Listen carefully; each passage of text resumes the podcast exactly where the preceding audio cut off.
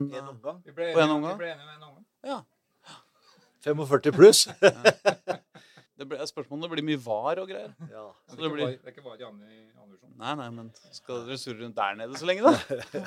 Jeg trodde det var bare ja, det var helt forbigående.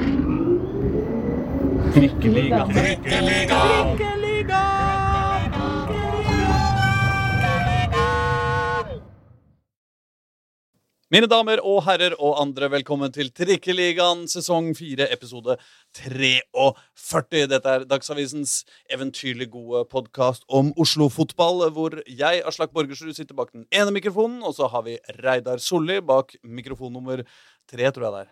Det er noe sånt. Ja. Uh, Pål Karstensen er også med oss. Hei, hei. Vi skal snakke om Altså, denne runden i Oslo-fotballen så har det vært eh, Altså, Vi burde hatt spesialepisode om alle divisjonene vi dekker. Både Eliteserien, Obos-ligaen, Toppserien og i andredivisjon har det skjedd uh, kjempestore ting. Men alt dette skal vi komme litt tilbake til uh, seinere i sendinga. Eller i hvert fall tre av de divisjonene. Fordi aller først så skal vi introdusere dagens gjest. Jan Halvor Halvorsen, halla! Hei, hei. Går det bra? Veldig bra. Livet som lyntrener kan ikke være så gærent akkurat eh, denne uka. Nei da, det har ikke vært så gærent de to siste åra. Du, du, du må snakke litt nærmere mikrofonen. Jeg er så bekymra for om lytterne ikke Ja, sånn, ja. ja. Ja, Topp. Nei, men eh, du er nå du én kamp unna mirakelet, eller? Hvordan ser du på det? Nei, eh, vi gleder oss. Og det, poenget var jo at vi skulle prøve å være à jour eh, med poeng med Egersund før siste kamp, og det er vi. Og da er det store muligheter. Da, det er store muligheter. Dere trenger bare å vinne med åssen er det? Sju mål mer enn dem, eller noe sånt? Ja, men altså, de skal jo vinne kampen sin, de òg, da. Det skal jo spilles den òg mot Vard Haugesund, som ikke er så enkelt. De må jo også ha poeng, så det Mm. kan, eh, kan bli spennende. Mm.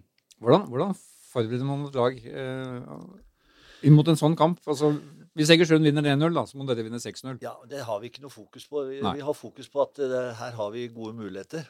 Eh, Det har jeg sagt eh, til, til spillerne ja, i mange kamper nå. At eh, det, er, eh, det gjelder. altså En fotballsesong er et maratonløp. og det, Da er det start, og så er det mål. Mm. Og nå ser vi målstreken, og vi er eh, ganske likt. De ligger litt foran på noen flere mål, men ellers så gjelder det da, etter siste kamp, å ha hårluggen eh, først over målstreken. Det er det som teller. Men dere må jo dere, altså, hvis, leder, hvis dere leder 1-0 etter et kvarter, så, eh, så Om ikke du har sagt det til dem, så er det mange spillere på det laget ditt som, som da tenker Å, nå vi skal kjøre på noe så inn i granskauen. Her skal alt Altså, keeper kommer til å gå opp på corner etter 20 minutter i den kampen her.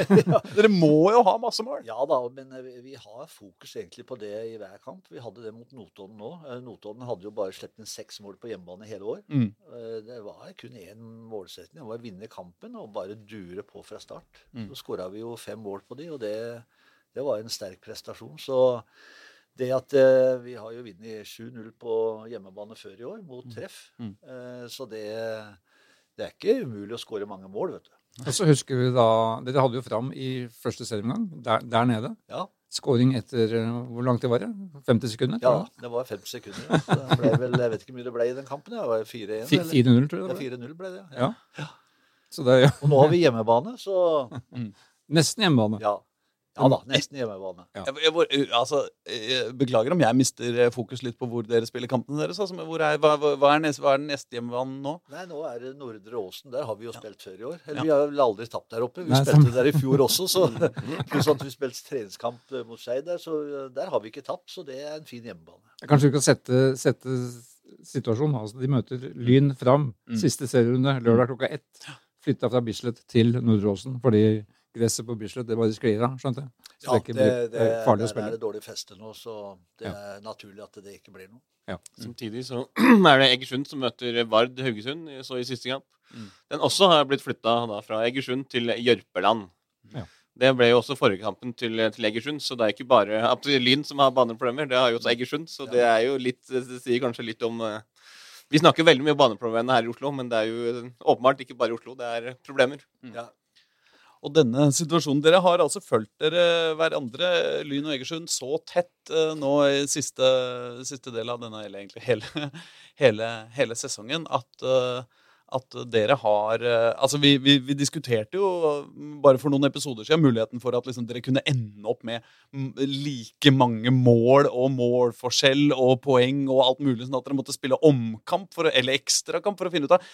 Men så var det jo nå i helga, hvor Egersund skulle, skulle møte Oslo Stolthet 2. Uh, unnskyld uttrykket. Nei da. Men uh, Egersund skulle møte Vålerenga 2 på, på Intility. Og uh, Vålerenga 2 tapte ble det 8-1 til slutt. Det var, mange, det var mange i dine trakter som uh, sendte noen uh, litt, litt irriterte tanker østover i byen uh, på det tidspunktet. Gjorde du det?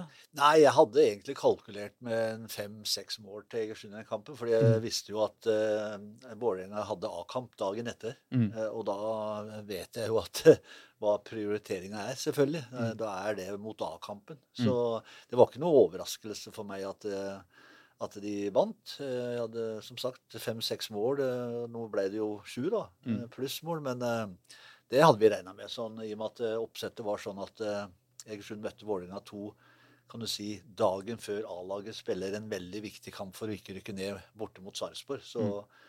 så visste jeg det. Så det bruker ikke vi noe tid på. Så da må vi bare passe på å skåre litt eh, bra med mål mot fram. Jeg skjønner at du ikke bruker tid på det, men, men bruker du, eh, bruker du eh, følelser på det? Nei, jeg gjør ikke det heller. fordi nå er systemet en gang sånn eh, i Norge at andre laga, sånn er det. Så det, det, er jo hvert år, både i forhold til opprykk og nedrykk, så, så vil det bli litt skeivt. Eh, sånn er det når, når, det når, når andre laga er med, så må det bli sånn. Fordi det er klart at eh, Eh, et A-lag er jo det viktigste. Og mm. når de da kjemper om da å ikke rykke ned, mm. så må de, og de spiller dagen etter, så kan ikke de bruke mye spillere dagen før, eh, som da kanskje må spille dagen etter. Så det, sånn. Det har, det har vært litt samme fremstilling i Lyna, ikke det? Mellom det første og annet laget noen ganger? Eh, hva, hva, tenker du? Sånn, Nei, det er liksom sånn tilsvarende altså, du, du, plukker jo din stall. Ja, ja. og det, så, sånn, sånn, er det jo med andre lag. Og, mm. og, sånn at man må tenke på da prioriteringer mot førstelaget. Så, så, sånn, sånn, er det. Vi, ja. vi, vi, kan ikke gjøre noe med det, og vi kan ikke bruke noe tid på det. Så Nei, sånn på... det, må det være sånn?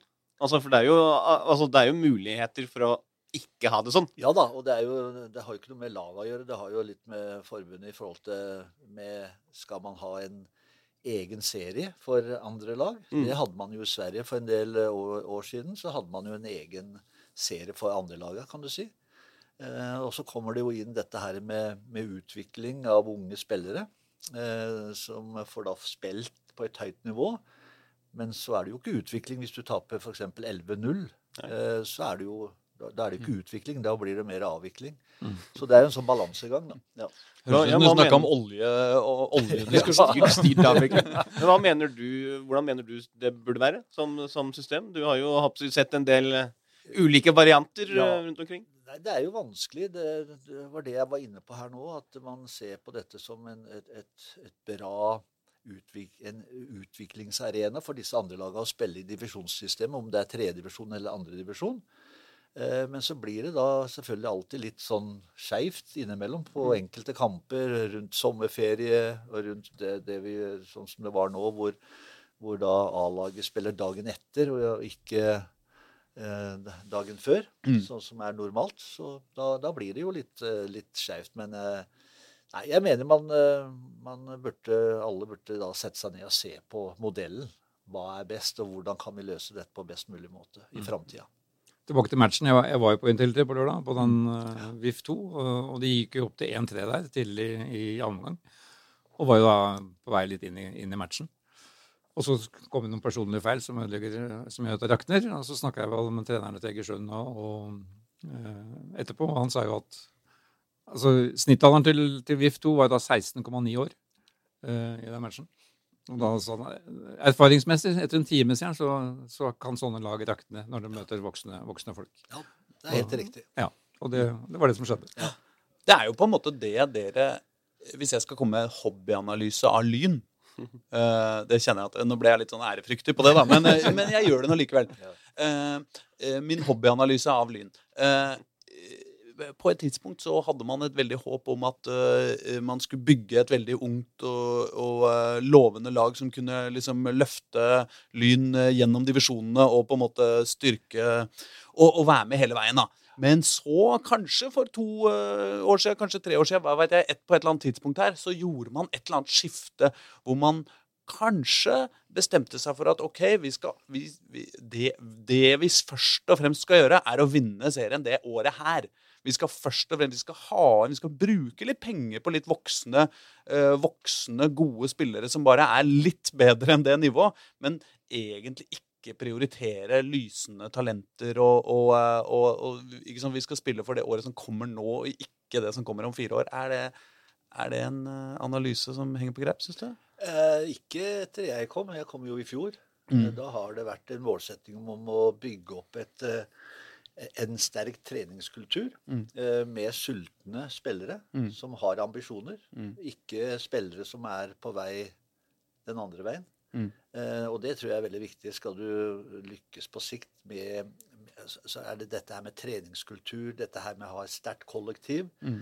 som drar i samme retning. Eh, og som sagt så henter vi kun spillere som er, har lyst eh, til å utvikle seg, som ser på Lyn som en eh, god utviklingsarena til å bli bedre. Mm. Så det det er, det vi har jobba med nå i disse to åra som jeg har vært her. Og det ser man også på det laget vi har nå, som altså etter et opprykk gjør det så bra. Det er mm. ikke så vanlig. Så, så, har vi faktisk oppimot sju spillere i startelveren som starta første kamp mot Oppsal i fjor. Mm. Og det, det, viser at da er det bra kontinentet. Og så har vi mm. fått inn noen litt eh, altså gode, sultne spillere med litt erfaring, litt mer erfaring, eh, litt rundt, som da også funker bra inn i, i, det, i det, kollektivet. Men dere har jo mye, mye voksne spillere. Dere har en viss storskårer, f.eks., som, ja da, som kanskje altså, ikke er den som skal til Champions League i 2030? Ja da. Vi har jo en som drar snittalderen opp, Ibba. Men som allikevel er, kan du si, eh, viktig for disse unge. Eh, fordi mm. han er veldig flink med unge spillere. Mm. Og som eh, fremdeles innehar eh, noen gode kvaliteter. Mm. Eh, selv om han begynner å dra på åra. Men utover det så har vi jo Hvis du ser på William Sell, som har mm. spilt Obos og vært også innom uh, Eliteserien, han er jo ikke mer enn vel 23 år. Ikke sant? Mm. Så at vi har veldig mye unge spillere. Eh, sånn at eh, En god alder, da, vil jeg si. Mm. Mm. Eh, så, så det, det ser veldig bra ut. Så var jo mange, mange fryktet at dere ikke skulle klare å erstatte da David Tavakoli, som var jo den store toppskåreren i fjor. Men det klarte du med enkle grep. Ja, ja, da, og jeg visste jo dette med David. Altså, det visste jeg i fjor. Altså, han, mm. det, det, han hangla ganske lenge i hele fjor og sleit med ryggen. Eh, så, så målsettinga for oss i fjor var jo at han prøve å holde han mest mulig frisk. fordi han er jo, altså På det nivået der så visste vi at han kom til å skåre ja, mellom 25 og 30 mål. Han skåra mm. vel 27, ja. hvis ikke jeg husker feil. Så han gjorde en kjempejobb. Eh, men vi visste også i forhold til dette her med, med kroppen hans at eh, det ville bli vanskelig i år. Mm. Og derfor så, så henta vi jo Hellum. Eh, som også er en, en, en bra målskårer. Han har vel skåra 13 mål og har slitt litt med skade. Var jo skada når vi henta han, og det visste vi. Han fikk jo en skade i Arendal midt på sommeren i fjor. Og så brukte de den allikevel utover høsten, for mm. de kjempa om opprykk. Så det tok lang tid før han kom kan du si, 100% men jeg har jo skåra 13 mål og gjort det veldig bra. Ja, ja. Og så har du den evnen til å skåre seine mål. Altså, jeg ble imponert lørdag når jeg så at det plutselig sto 2-5. da. Altså både Elvevold igjen, selvfølgelig, på overtid, ja. og, og, og Hellum. Ja. Så den evnen til å liksom stå Ja, det gir det aldri. Ja, nei, og det, det, jo, det, er jo ikke noe tilfeldighet at vi gjør det. Fordi vi har gjort det, som du sier, veldig mye mm. kamper. Mm. Og det viser litt den moralen at vi står på. Og det er klart, vi skåra jo ja, nå ja, var vel to mål nesten på overtid nå mm. igjen. Eh, så det, kampen varer, som jeg alltid sier til spillerne, sånn 90 pluss 4-5-6 minutter. Og da, da, gjelder det liksom bare stå på til siste slutt. Og det, Det har de vært veldig flinke til. nå. Det har vært veldig viktig, også, ja, også i den perioden som er nå, med, med der målforskjell er så avgjørende. Ja. Det har jo skjedd eh, forrige gang, eh, altså den kampen her, men også kampen før i, i treff der. Ja, Når uh, Dalen Schneider dukka opp sju minutter på overtid, Ja, var det vel plutselig så var midtstopperen der oppe på eh, helt på andre og, og skårte, og som jeg da tok over eh, tabelltoppen. Ja. Og nå var det jo litt sånn nå også, for det var jo en periode der det var eh, 1-3 i begge kampene. Ja. Eh, og da var det jo helt likt. Og så Ja. var det jo 25 minutter senere, så var det plutselig 8-1 til, eh, til, til Egersund. Men, men det var vel også viktig for dere å få inn de to siste der, for det, hvis ikke så hadde jo Hopsi blitt, blitt enda styggere. Nå er det jo Hopsi bare fem mål. ja, og det er, ja men det, det er helt riktig. Det er bare fem mål. Og det er det jeg sier til spillerne. Det er ikke mye. Det er, så det her er gode muligheter. Sånn at, eh, at uh, vi er veldig sånn optimister og offensive og positive. Og det er jo et av punktene mine på tavla stort sett hver gang. Dette med at vi skal være offensive og positive. Altså, og det er viktig. uh, å ha trua. Sånn at uh, vi gleder, oss til, vi gleder oss til lørdag. Så det er mye som kan skje i den siste serierunda. Det er vel også litt sånn i, i den kampen her mot, mot Fran La- Larvik-lag som også må vinne. Eh, og da hvis de får liksom to kjappe mål i, imot og spiller borte mot Lyn, og ligger under det etter ti minutter, kvarter, så kan det hende at liksom Fram Lagen tenker at det her går ikke uansett. Og da er det plutselig at Lyn kan finne på å skåre seks, sju, åtte mål. Ja da, vi er kapable til å gjøre det. Vi, eh, hvis du ser på de, skåra vi fem mål nå mot Notodden borte. Og ingen av spissene skåra. Nei. Eh, og det viser jo at vi har et altså, Og det er jeg veldig opptatt av. At vi, altså, vi har, må ha mange som kan skåre mål og vil skåre mål, og det, det har vi. Eh, så det, det, er, det er utrolig viktig. Og det er klart 90 minutter, 4-95 minutter, det er klart man kan skåre 5-6-7 mål. Det er ikke umulig. Og så skal det jo sies, da, at altså, alle skjønner at dette reelt sett ikke kommer til å skje. Men hvis det nå faktisk skulle skje, så har du jo skrevet deg inn i historiebøkene til Lyn for alltid! liksom. Altså Hvis dere scorer, hvis dere tar en femmålsforsprang på én kamp. Så det må jo være et argument, da.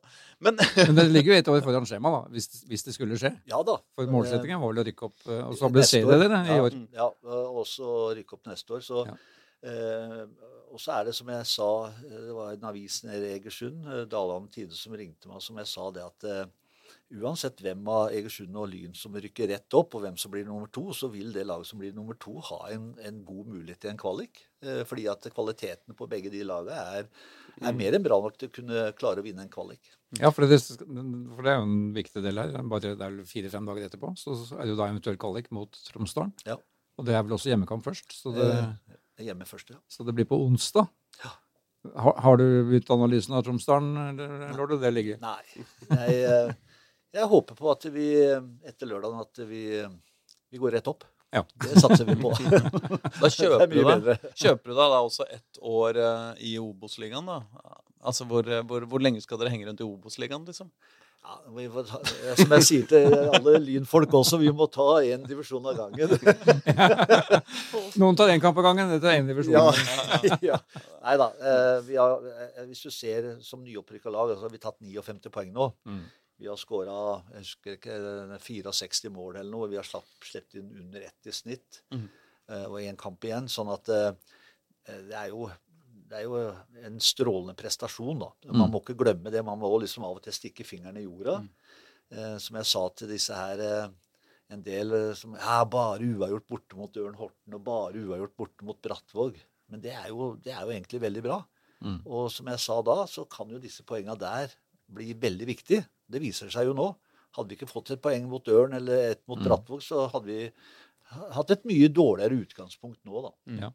Så du har, på to år så har du fire tap med dette laget. Ja. Det er jo relativt bra Nei, nå statistikk. tuller du. Fire tap på to Ja. år? ja Fire tap på to Alle år. har jo kommet i, i år, da. Så det var ubeseira i fjor. og- og to- Men, eh, To av dem kom med Grorud. Ja, og alle, alle er med ett mål. Alle er med ett mål. Ja. Og det kunne ha bikka egentlig Hvor irritert er det på Grorud? Som, eh, Nei, nei, men det, det er ikke det. Altså, det, var, de var heldige, kan du si, eh, på Bislett. Da var det en forferdelig dårlig bane. Men eh, Mm. det var jo, de hadde vel én sjanse og skåra på den ene. Så eh, på Grorud så, så var det liksom Kunne vippa begge veier, og da vippa det Groruds vei. Og så at det, det, det er ikke noe Sånn er det. Ja.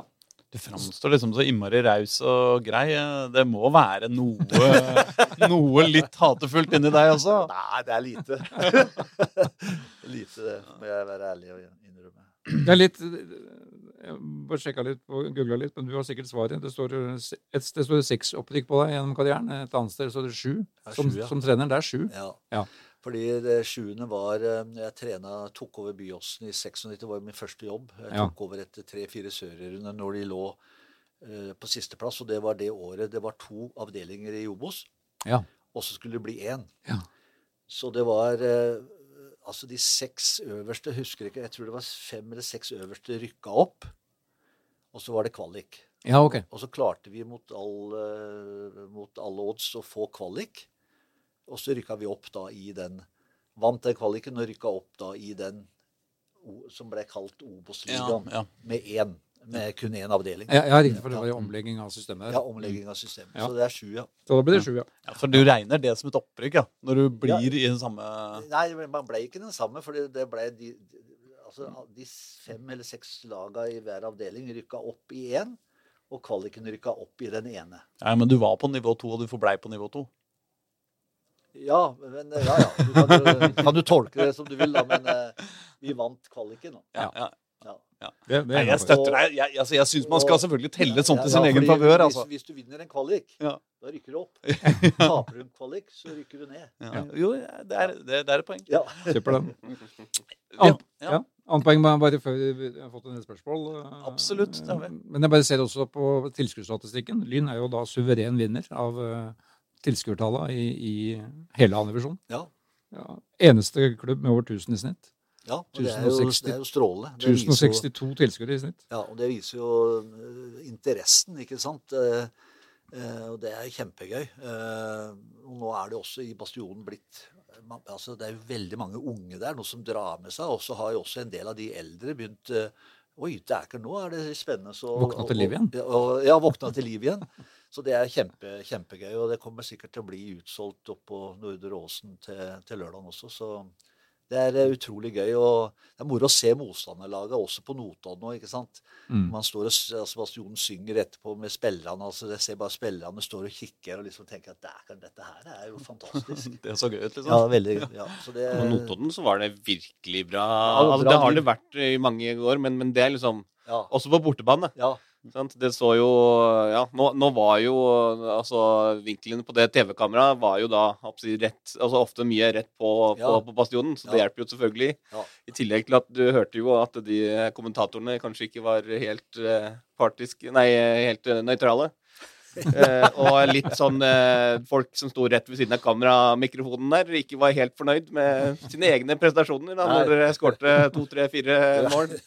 Men, eh, men nei, det så eh, Det er akkurat det. Altså den herre eh, Den go-en som har blitt i, i, i Lyn igjen, som har ligget brakk i ja, gans- en, en del år, da, når de liksom drev og kava rundt nede der i tredje divisjon uten eh, mål og mening. ja. Og, og eh, det er helt fantastisk med den, den støtten. Og, og så tror jeg liksom at eh, det lynlaget alle ser nå, at eh, det er liksom litt sånn spesielt. For det er et, et lag som jobber steinhardt, og som aldri gir opp, og har en kjempeattitude. Og det tror jeg også, også de fleste syns er veldig bra. Vi skal ikke ta noe på forskudd, men hvis de skal rykke opp, da. Og hvis et annet lag som du kjenner ganske godt, skulle rykke ned Skal vi snakke om sånne hypotetiske scenarioer her nå? Men du vil kanskje ha Vålerenga i Eliteserien et år til? Ja, jeg, eh, jeg unner jo ingen eh, noe dårlig, for å være helt ærlig. Sånn at eh, jeg syns det er kjempemoro. Jeg har gratulert både trener og Daniel Fredheim Holm med Koff- Koffa og opprykket, og jeg syns det er moro at Kjelsås gjorde det så bra i cupen. Eh, Så alt det når det gjelder Oslo-fotballen, er jo positivt. Eh, Du må alltid eh, unne andre suksess for å få suksess, ikke sant? Eh, Sånn at eh, jo flere som gjør det bra, jo bedre er det for Oslo-fotballen, syns jeg, da. Ja. Nå får jeg sikkert en del på nakken når jeg sier det, da, men eh, uten at jeg sier noe. Men jeg syns det er moro med Koffa, og eh, at de rykker opp. Og jeg syns det er moro med Kjelsås, som kom så langt i cupen. Ja. Den godhjerta mann, med andre ord. Så du vil ha du vil gjerne hvordan den skal holde seg. Det, jeg, nei, det har jeg ikke noe formening om. Altså, eh, om de holder seg, så holder seg, og rykker de ned, så rykker de ned. Det bruker jeg ikke noe tid på. Jeg bruker tid på, på oss. Ja. Det er det jeg, jeg kjenner en, en Lyn-supporter som så sin første eliteseriekamp eh, i 90 minutter i, eh, nå på eh, mandag. Og det var uh, Sandefjord mot Ålesund. Eh, og, og jubla for høyere og høyere for hver scoring. Og nesten gråt da Sandefjord vant eh, 3-0. Fordi det styrker da sjansen for at Vålerenga rykker Ja. Men der er ikke du. Nei, men eh, eh, Nå har ikke jeg det forholdet, på en måte, selv om jeg trener for Lyn. Men det er jo en helt naturlig ting. Eh, Jeg er jo vokst opp i Telemark. Jeg, jeg spilte jo i Pors. Mm. Pors egentlig var det beste laget i Telemark. Og Pors Odd, det Mm. var jo omtrent som Lyn Vålerenga. Mm. Altså det, man, man kunne aldri gå fra Pors til Odd. Da ble du stempla for livet. Altså det, det, det kunne ikke skje. Mm. Sånn at den, den rivaliseringa, det det er bare positivt. Og sånn skal det være. Mm. Vålerenga-folk unner ikke Lyn noen ting, og Lyn unner ikke Vålerenga noe. Og sånn, sånn må det være. Ja. Og jeg, jeg er veldig nøytral, da. Jeg er liksom ikke sånn at eh, jeg hater Vålerenga eller elsker Vålerenga. Altså, jeg, jeg er Lyntrener, og jeg bryr meg om Lyn, så jeg har ikke det forholdet. Ja, du er ikke oppvokst der. Det er første gang du bor i Oslo. ja, det er første, første gangen. Nei, men Skal vi hoppe på noen eh, innsendte spørsmål? Ja. Eh, Flandersen, eh, 1896, på, Twitter, eh, på X, skriver Hvilke endringer må Lyn gjøre rent sportslig ved spillet i Obos-ligaen for å hevde seg? Eh, Nei, da må man bygge det laget videre. Eh, Stammen i laget. At man har kontinuitet. Og så må man få inn da eh, forsterkninger der det trengs, som hever laget. Som gjør at man drar med seg den utviklinga enda høyere opp enn det vi har gjort. Sånn som vi gjorde fra tredje til andre. Mm. Så må vi gjøre det fra andre til Obos med at vi får inn eh, noen bærebjelker til, eh, som da er med på å heve nivået på treningene og heve nivået på utvikling av, av, laget generelt. Har dere sett på Altså, dere har jo samla inn litt penger. eh, har dere begynt å kikke på spillere? Hvem, hvem du trenger? Hvor du må forsterke? Ja, men det som er viktig, er, er ikke at de må være dyre. Eh, Det som er viktig, er at de, de er sultne og har den kvaliteten og den sulten. Det er det viktigste når vi henter spillere. Og vi har alltid møte med spillere og danner, danner oss et inntrykk av personligheten, som også er viktig for at de skal gå inn i det, det, det gode kollektivet vi har. Mm. Ikke bare at de må være gode spillere, men de må også passe inn sånn rent eh, menneskelig også. Det er det KFM har lyktes med. Hæ? Det er vel det KFM har lyktes Ja, ganske ja, godt med. og det kommer man langt med. Det er veldig viktig. Men, har, men har, du har, har du begynt å ha sånne møter? Liksom? Ja da, Glenn og jeg har jo, vi får jo masse forespørsler. Og vi merker jo det at Lyn er attraktivt for mange spillere. Eh, Så vi får masse henvendelser. Så må vi da Nå må vi først gjøre ferdig sesongen og se hvem divisjon vi spiller i. Og så kommer vi til å jobbe mye med det, både Glenn og jeg, i forhold til den spillelogistikken. Er det noen, spill, eh, er det noen plasser du spesielt eh, tenker at du må forsterke? Ja, jeg vet det, men eh, det må vi ta etter hvert. må vi se an litt. Grann. Um, um, Joakim Andersen spør Han, altså du, har flytta 19 ganger. dette tar vet ikke jeg, altså, men, og vært i mange klubber. Hvordan er forholdet til tidligere arbeidsgivere? Noen mer spesielle enn andre? Jeg har egentlig et godt forhold til alle, både når jeg var spiller og, og trener. Så jeg har egentlig et godt forhold til de fleste. Så, og det er jeg glad for, for det er alltid viktig. For i fotballivet så treffer man alltid folk igjen. ikke sant? Mm. Så, så jeg føler jeg liksom har jeg har et bra forhold til de fleste klubber. Fikk en god velkomst på Notodden og jeg var jo der i fire år. Mm. Du rykka jo opp med dem. ja, jeg gjorde det. I 2006. Det stemmer, det. Så at eh, det det er vel ikke noen, noen spesielle klubber jeg har mer forhold til enn andre. eh, det, annet enn at jeg har gode forhold til de fleste. Ja, for mange er, altså, du har trent 11 11 Nei, Lyn er nummer 10.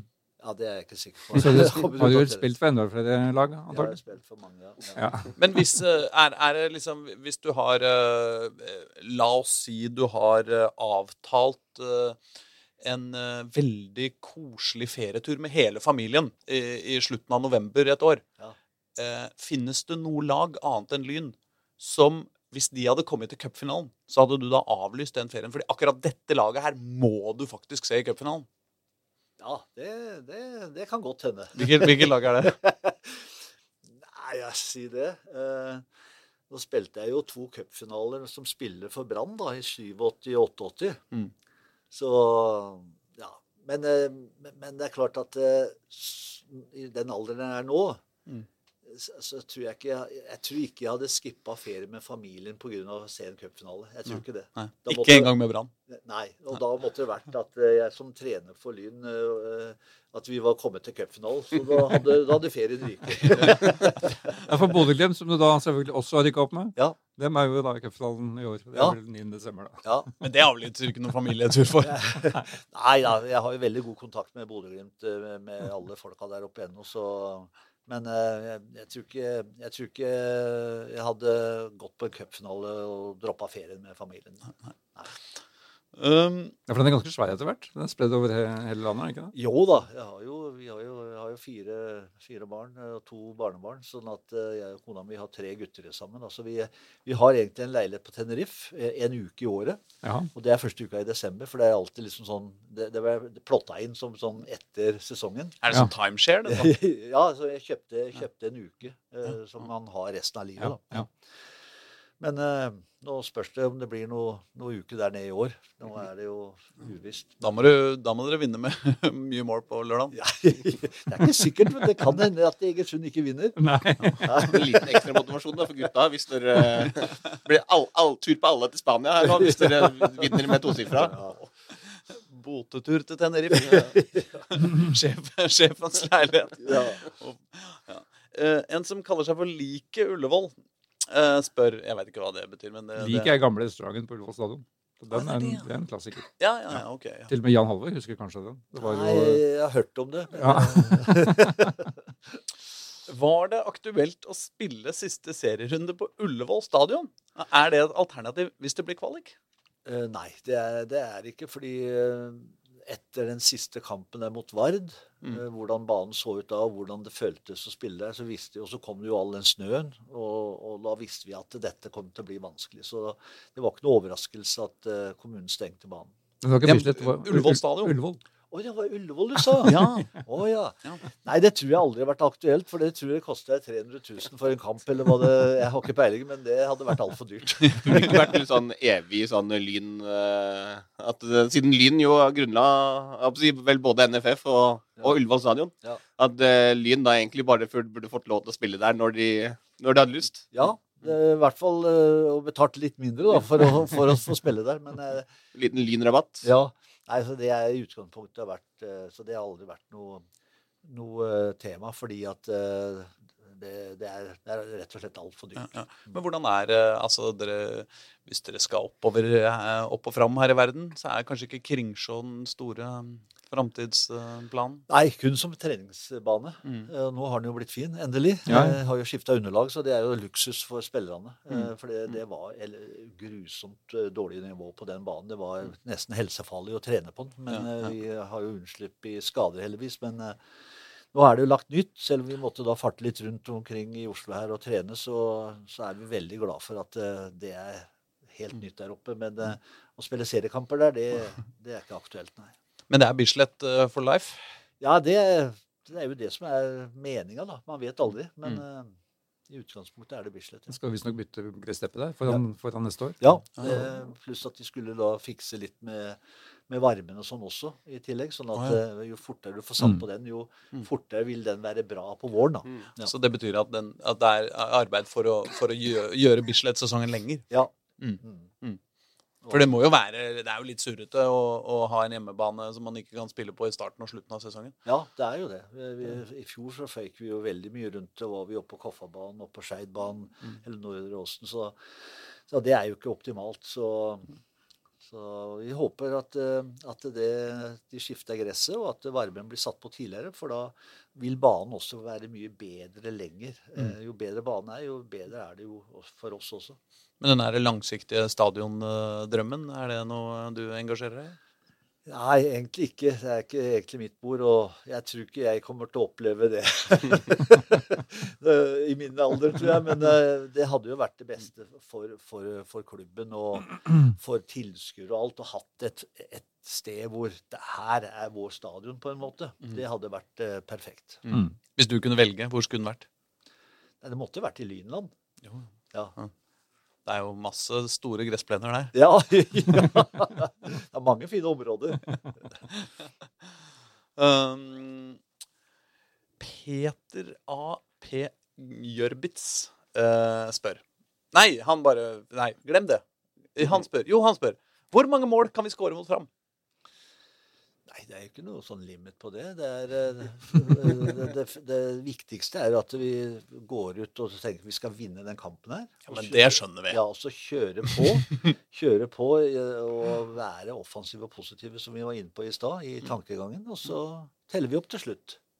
Så kan det gå godt. Ja, men hvor mange mål kan dere skåre? Bare tar spørsmålsstilleren på alvor her. Ja, nei, altså, vi, Det meste vi har skåra hjemmeba, på hjemmebane i år, er syv. Vi Mm. vant 7-0 mot, uh, mot treff. Mm. Ja. Er det sånn at er dere kommer til å følge med på, på Egersund-kampen? Eller å gi liksom informasjon til, Nei, til spillerne? Eller? vi, vi, vi har jo oversikt over hva som skjer der, så, og det er viktig. Eh, vår eh, Jeg vet ikke om det er konkurrerende podkast eller vennepodkast. Vestkanttribunalet eh, spør Har tre, tre spørsmål. Eh, noen lette og noen kompliserte. Spørsmål én. Hvordan har du opplevd klubbens vekst i perioden du har vært, hos, eh, vært der hos dem, dere?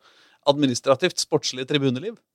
Nei, Det har vært eh, veldig bra. Jeg visste jo om det når jeg tok jobben, dette her med interessen rundt klubben. Mm. Eh, og så er det veldig viktig når man bygger opp klubb, at det, liksom, det sportslige og administrasjon går litt hånd i hånd. Mm. For det er veldig ofte at eh, det blir litt skjevfordeling. At eh, administrasjon er plutselig langt foran sport, eller så er sport langt foran administrasjon. Men nå, Jeg tenker på størrelse og Ja, ja, ansatte og sånn. men at, ja, med, med, med eh, folk da i administrasjon i forhold til for å dekke opp hvis det går veldig bra på sport, at man, man henger med.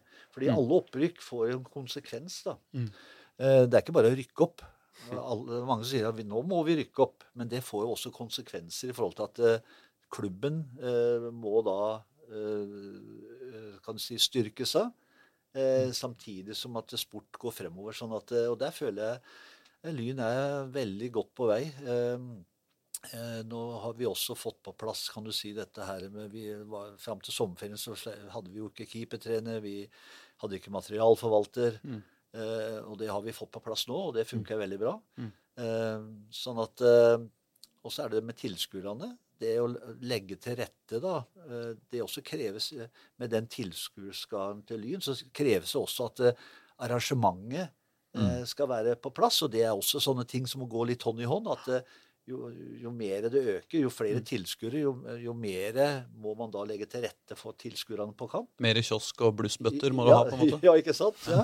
Nei, men det, det, alle de tinga henger litt sammen nå. Ja, Derfor virka det som daglig leder Bjørn Jønsberg, som vi hadde her som gjest også for en stund siden. Han følte seg litt alene i den administrasjonen lenge, men Ja, nå har han fått litt hjelp. Ja, skjønner Ja, jeg har fått litt hjelp, og det har blitt ansatt litt folk og sånn, og det er viktig. For at, uh, hvis ikke så blir det for mye på, på enkeltpersoner. Så her må det liksom, for å kan du si, dra nytte av hver enkelt eh, til å gjøre en god jobb, for å få utbedre alle ting, så trengs det da flere folk, selvfølgelig. Men er det en fare for at, eh, at eh, Altså hvis, hvis det mot formodning ikke skulle skåre sju mål da, på lørdag, og, og, blir, og blir, blir værende er det, er, det, er det sånn at dere er, nå er rigga for fortsatt vekst, eller er dere rigga for der dere er nå? Nei, vi er jo rigga for å, å ta den utviklinga, Mm. hele klubben, og det sportslige. Mm. Altså, også at, man, at man blir solid sterkere og sterkere for hver sesong. Mm. Det må ikke være sånn at det liksom én sesong, også neste sesong, så nei, da kan vi ikke. Det, Siste, siste pengeinnsamling er vel på rundt seks millioner nå? Det som Ja, ble ikke satt i gang for et par Ja. uker siden. Det er ikke sånn at dere må si opp folk hvis dere ikke rykker opp, liksom? nei. Nei. Eh, Målsettingen har vært opprykk neste år, som eh, Reidar var inne på. Så Spørsmål to fra Vestkanttribunalet er nøyer du deg med tre år i Lyn, eller vurderer du å bli eh, utover normert halvårsentid? jeg, jeg, jeg har vært heldig, da. Altså, Jeg har holdt på så mange år. Jeg har jo vært eh, som regel to, tre, fire år på hver plass. Og det er bra som trener. Ja, ja. Sånn at eh, eh, Nå skrev jeg jo tre år når jeg kom, eh, og så vet man jo ikke i fotballen. Eh, nå er jeg jo to år eh, gjort unna, og det har vært to fantastiske år. Så da har jeg ett år igjen, og så er det jo opp til klubben og meg da om, eh, om videre etter det, selvfølgelig. Det, det vet man aldri. Du bygger jo hus på hell, ser jeg. Så det er jo ja, jeg har jo basen, jeg har hatt basen i Trondheim, jeg og kona mi, i mange år nå. Så det Ja. er ikke noe Nei, har jeg skjønt det. Så du Ja. pendler til Oslo? Nei, Nei, jeg bor, jeg har leilighet her. Så Ja. at kona mi jobber 12-14 dager i, i Trondheim, dag og natt. Doble skift. Og så er det her nede i, i 14-16 dager. Ja. Ja, nice. Ja, for Nidaros og min gamle kollega Otto Ulseth har jo lansert deg som en av kandidatene til å ta over Rosenborg. Så Ja, jeg så det. Det er alltid spekulasjoner om sånne ting. Så. Men eh, jeg syns det er veldig moro å, å være i Lyn og være med på denne her prosessen og denne her, eh, det, prosjektet. da. Eh, Det er jo det som jeg syns har vært moro i mange år. Både når jeg tok jobben i Bodø-Glimt og i Bryne, sånn, så var det sånne prosjekt som, med, med, med klubber som, som skulle prøve å rykke opp og, og sånn, og det syns jeg er, er gøy. da. Ja, for Det er litt fascinerende med den da du kom til Bodø-Glimt. Og du liksom, ettersom jeg skjønte, røska litt opp i treningskulturen der. På et lag som hadde sl- slokna litt. Ja, de hadde jo prøvd å rykke opp og, og sånn. Og så når jeg kom dit i 2013, så hadde vi en fantastisk sesong. Vi ja, Stabæk rykka opp på andreplass, og vi var vel tolv poeng foran de, tror jeg. Mm. Så det røska litt opp i kulturen, ja. Det er riktig, det. Så, Men det må gjøres av og til. Ja, ja. Men har du vært på altså, det er jo, altså Når du blir nevnt Det er jo ganske absurd åpenbart eh, å nevne en andredivisjonstrener i spørsmålet om hvem som skal ta over Rosenborg. Eh, på et eller annet vis. Men samtidig så er det jo nå to, kanskje to, to opprykk på, på to år, og dessuten den eh, er jo en fyr som har, som har levert på høyere nivå også. Eh, har, du, har du vært i noen jobbintervjuer? Nei, nei, nei. Jeg, hadde et par muligheter fra utlandet etter sesongen i fjor. Mm. Det, det var ikke noe interessant for meg, for det, da, da var det tidlig prosjektet her. Mm. Og jeg trives veldig godt i, i den settingen med, med Lyn fotball og dette her, med, altså dette her med å prøve å få det til skikkelig. Og Mm. som Reidar sa, altså, det laget her har tapt fire kamper på to år. Det er, det er ganske bra. Men åssen klubber var det du hvordan nivå var det du fikk tilbud om fra utlandet? Nei, det var eh, øverst i ett land og nest øverst i et annet land. Hvilket land var det? Nei, ja, men det er jo, hvilken del av Europa, da? er det Skandinavia, eller er det, er det Sydligere, Ja. Skandinavia, ja. ja. Skandinavia. Ja. Ja. Men det er ikke noe jeg bruker så mye tid på. Men eh, Du har vært i New York òg? Red Bull? New York? jo, jeg var der i to år, ja. Ja, ja. Men, kan men liksom, verden, hvis, hvis det er en eliteserieklubb som ringer, ringer deg, liksom, så er det ikke sånn du slenger på røret før du tar praten. Nei, men jeg er ikke så veldig Jeg har, husk på, jeg har vært og har trena i, i Eliteserien i mange år tidligere. Så det er ikke det som fenger meg veldig. Altså Det som fenger meg, er liksom disse her prosjekta hvor jeg ser muligheter for utvikling og, og, og kan være med å skape noe, da. Eh, sammen med hele klubben og eh, nå her i Oslo Bastionen. At det liksom at vi kan få det til eh, sammen, alle sammen, og, og lykkes. Det, det er det som trigger meg mest. Men da må du helt opp i Eliteserien med Lyn. Tenk om noen andre, en annen trener, kommer inn om et år. da. Hvis du, La oss si du nå får sjuendeplass i Obos-ligaen i eh, 2024, ikke sant? Og så kommer en eller annen inn og skal ta over jobben og gjøre den der eh, sjarmøretappen opp til Ja. Eliteserien etterpå. Så er det han eller hun som får all rosen, mens du har gjort all jobben. Det vil jo være fryktelig ja, men, da. eh, Det, det hadde ikke gjort noe, for da vet jeg jo med meg sjøl at jeg har starta hele prosjektet. Det hadde det ikke vært for meg, da, så hadde det jo ikke Ikke sant? det. Så, sånn tenker jeg da. Ja, Ja. Det viktigste er at klubben lykkes. Ja. En som heter Mats Larsson spør eh, om du har koll på Lyns ungdommer. Eh, eh, og så skriver han er gutten, Han skriver det på svensk, så det er litt vanskelig å live-oversette. Er guttene i 1896 nå eller fortvarende kvar i Lyn? Bygger Lyn akademi? Jeg, jeg er ikke helt sikker på om jeg skjønner detaljene her, men, men, men hvordan er det med ungdomssatsinga i, i Lyn, egentlig? Altså, nå skal jeg være helt ærlig. Det her er veldig sånn komplisert. Og nå Mm. vet jeg det har vært eh, at det kanskje eh, Lyn 1896 har tatt over ungdoms... Ja, men det må du nesten spørre Glenn Hartmann om. Det er han okay, som har ja. kontroll på det. her. ja. Så jeg, jeg er ikke helt eh, Dessverre kan jeg ikke svare 100% sikker på det. Men eh, vi eh, Nå er jo eh, juniorlaget Mm. er jo under 1896. Mm. Eh, og som jeg har forstått det, så skal også kan du si, ungdomsavdelingen Mm. inn i 1896. Men uh, det, som sagt, uh, jeg, jeg tør ikke å si så mye om det, fordi jeg er ikke 100% inne i det. Mm, mm. Men er det, er det er, er liksom ungdoms-junioravdelinga Er du i tett kontakt med der? Og, Ja, ja, vi, vi har jo tatt opp uh, et par veldig unge nå som har Mm. fått proffkontrakt. Mm. Salim og Isak, Mm. som er to veldig spennende unge spillere. Mm. Eh, Sånn at eh, vi er veldig opptatt av å, å ta opp kan du si, de som fortjener det. De som er gode nok. Mm. Vi tar ikke opp bare for å ta opp, bare for at det skal se fint ut. Men det, det må være spillere som, som Glenn og jeg tenker at disse her kan faktisk bli veldig gode. De fortjener en, en, en kontrakt. Mm. Så vi har kontroll på dem. Hvem, eh, hvem av spillerne dine er det som kommer til å nå lengst? da? Veldig vanskelig å si. det kan bli mange. Men ut av de unge nå, som er lengst framme, det er jo Brage. Mm. Eh, eh, som har fått masse innhopp i år. Mm. Ikke har fått starta ennå, men det er jo hard konkurranse. Pluss at vi hadde jo elleve seier på rad, og jeg er ikke den, altså jeg bytter ikke, jeg driver ikke sosialkontor, så jeg bytter ikke bare for å bytte. altså Hvis laget vinner og vinner og vinner, så er det kan du si, mer oppgave å holde resten på tærne. og At de forstår at her må vi bare jobbe. Når jeg får sjansen, så må jeg være klar. Mm. Men uh, Brage har Brage, Åssen spiller er han? Jeg jeg, han er venstre ving. Altså, Ja. Han spiller, Mm. kan spille mm. kamp på begge sider. Brage Hylen. Ja, Ja. Brage Hylen, helt riktig. Er jo en sånn en type spiller som minner meg litt om Laudrup-brødrene, faktisk. Han har veldig sånn derre Han kan drible i høy fart, og liksom du får nesten ikke tak på han. Veldig spennende spiller. Anto ny Antonio Nusa. Ja, ja. Det er veldig spennende. Eh, han kommer til å ha hatt en god utvikling i år, selv om ikke han har fått starta. Så har han fått eh, nesten, ja, nesten innhopp i hver eneste kamp i år, så det er Mm. Jeg har et spørsmål Ja. innom det, for det er jo veldig viktig. Ja, altså, jeg, jeg, jeg, jeg, gjennom uh, innsendte. jeg syns jo det var hyggelig at Aftenposten også skrev litt om Oslo-fotballen her i, i forrige uke. Og, og var- var på besøk hos dere. Ja. Da merker jeg meg at han, øh, du sa at du aldri hadde brukt lue og votter. Nei, det er riktig. Det er helt riktig.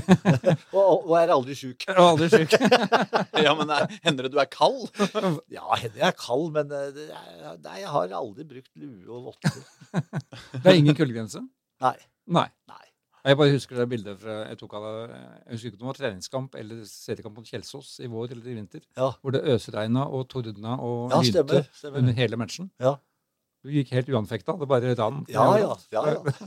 Ikke noe problem. Nei, nei. Er dette sånn, er dette sånn uh, jåleri? For du har så fine krøller, så du vil liksom vise dem fram? Nei, de blir jo slette når det regner.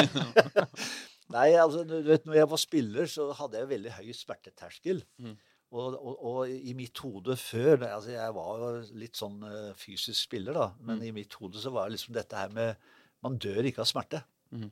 Ikke sant? Mm. Eh, sånn at eh, Men, men jeg- det er blitt herda sikkert opp gjennom åra. eh, Så at eh, ja, jeg bryr meg egentlig ikke så mye om akkurat dette med, med kulde og regn og Nei, Så den sesongen kan bare vare ut i desember i år. Ja, bare vare. vare.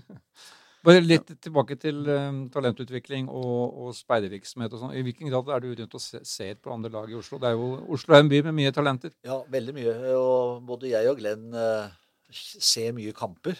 Mm. Både tredjedivisjon og andredivisjon. Uh, og det, som du sier, det er veldig mye gode spillere.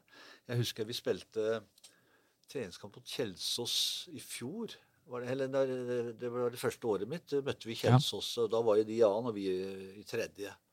Tapte vi vel 5-2 eller 5-3 eller noe. Da Mm. husker jeg jeg spurte Eivind etter kampen om han, han eh, som spilte høyreving. Ja. Han eh, Rasmus. Rasmus, ja. Nei, Ah, nei. han er mørke. Jo Painsil. Ja, Fe- ja, ja, Painsil. Ja, Ja, som gikk til Tromsø. ja, så, ja, så jeg spurte Eivind om han at eh, hvorfor ingen, ingen har snappa opp han fra elitesenderen. Så sa Eivind at nei, de følger ikke med. Nei. Så gikk det ikke så lang tid, så gikk jo han til Tromsø. Han syns jeg var eh, Jeg la merke til ham med en gang da, i den treningskampen. Jeg hadde ikke sett Kjelsås så mye, men uh, han var en veldig god spiller. Og sammen med, med Rasmus uh, Mm. Det var en spiller vi selvfølgelig også har fulgt med, men vi visste at uh, han kommer til å gå mye høyere. Og Ja. han gikk jo til Stabæk og gjør det veldig bra der, og det er ikke, ikke overraskende. Så Kjelsås har vært veldig flinke til å finne Mm. disse her eh, kan du si de her som har litt X-faktor, da. Eh, Sånne spillere. Og der har de vært veldig, veldig dyktige.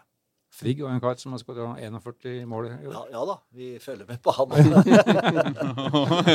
Følger nøye med, eller? ja. Så det er en god statistikk, det. Det er ikke noe dårlig tall. ja, vi har jo to spisser som er 39, og så David Tavkoli, som sliter kanskje litt med ryggen. Ja da, men Så kanskje må ha inn noen, eh, Ja. noen ekstra angrepskrefter. David har jo bare kontrakt ut året, og vi visste at han ikke kom til å spille mye år med, Mm. med den ryggen sin. Og jeg håper bare at han bli, jeg har sagt det viktigste er at han blir bra, sånn at han kan eh, i det daglige, altså privat, eh, ikke ha smerter. da. Det er jo viktig. Ja, Det er klart. Men vet du hva, da tror jeg Vi, vi skulle jo snakke en, en omgang, og nå tror jeg det har gått omtrent en omgang. Ja, det var koselig. dette. Sikkert litt to minutter på overtid. Jeg tror du hadde vært klar for enda mer. Men eh, Ja, ja. Nei, det var veldig hyggelig. nå skal du Nå har du noen spennende dager med å forberede en veldig spesiell match. Ja, det blir spennende. Og så husk på at uh, det kan holde med 1-0 òg, ikke sant? Kan det, det kan. Kan holde med 0-0 òg, for den saks skyld, hvis, hvis dere har skikkelig 0-0 flaks. Ja. Man vet aldri. Ja, Men nå er jo vi opptatt av å skåre mål, da, så 0-0 blir det ikke. Nei, det blir det ikke. Nei, men Tusen takk for at du kom. Det er bare hyggelig. Og så må dere som hører på, eh, bli med videre, så skal vi over til resten av Oslo fotball.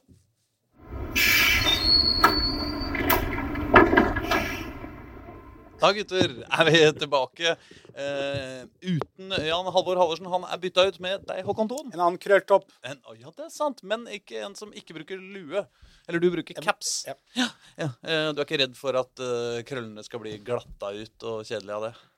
Nei, det er jeg håper det. Ja, Han bruker lue òg, da. Jeg gjør det. Det er sant, det. Eh, vi har Jeg nevnte det i stad. Altså, vi har enorme ting som skjer i Eliteserien, i Obos-ligaen, i andredivisjon og i Toppserien. Jeg vet ikke hvor vi skal begynne engang. Vi er på vei mot Champions League. Eh, Vi er på vei mot Champions League. Det, det er det Vi er på vei mot Champions League. Det er det eneste vi kan si om Oslo-fotballen. Vi er ikke på vei mot Champions League. Jo. Koffa er på vei på vei til Champions League.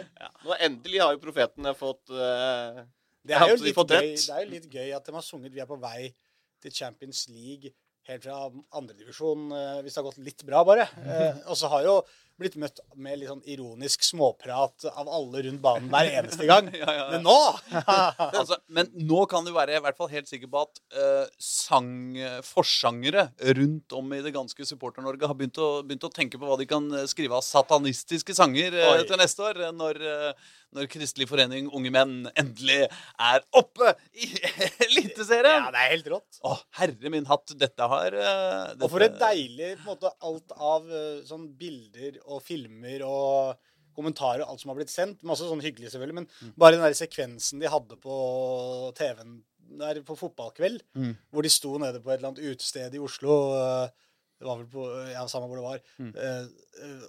Eh, eh, og Simen Hestnes sto der, og de, liksom, de svarer så eh, deilig folkelig. Akkurat som du skal være. Kanskje ikke som en Kristelig Forening Unge Menn-klubb, men som en Oslo Øst-klubb. og det var litt deilig. At det var liksom Nå blir det, nå blir det drikking og fest til langt på natt, og det er liksom Og Simen Hestnes sto der og ble karakterisert som den kjekkeste mannen i verden og tok det Uh, Var helt enig. ja, ja, var, var helt enig. Hvem var det men- som karakteriserte han som dette? Jeg vet ikke helt hvem det var. Det var vel, eh, det Var var det vel. Johs, var det ikke det? Johs som sa at når han skulle for vi, vi, ble bedt om å- om vi kunne få med oss verdens kjekkeste Eller Skeids kjekkeste. Skeids? Ja, eller noe sånt. Eh, Nei, Koffa. Men, ja. Ja. Eh, og da var det sånn Ja, ja, det er meg, det. Jeg tar den, jeg. Selvfølgelig.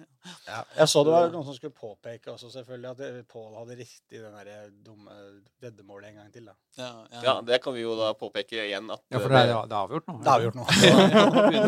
Det. ene laget rykker opp, det andre laget rykker ned. Ja.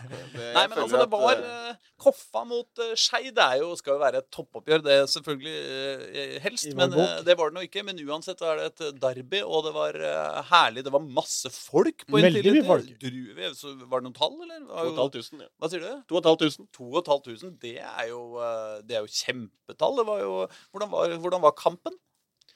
Det var eh, Kampen i seg selv var kanskje ikke verdens eh, beste kamp. Nå som, som jeg var eh, på sånn opptur. og- Det var jævlig bra! kamp. Koffa har, eh, har spilt, men, men det, er, altså, det var en veldig, Koffa veldig klassisk Koffa-kamp, sånn som de har hatt i, i år. Mm. De, de hadde veldig, veldig god kontroll over store deler av kampen.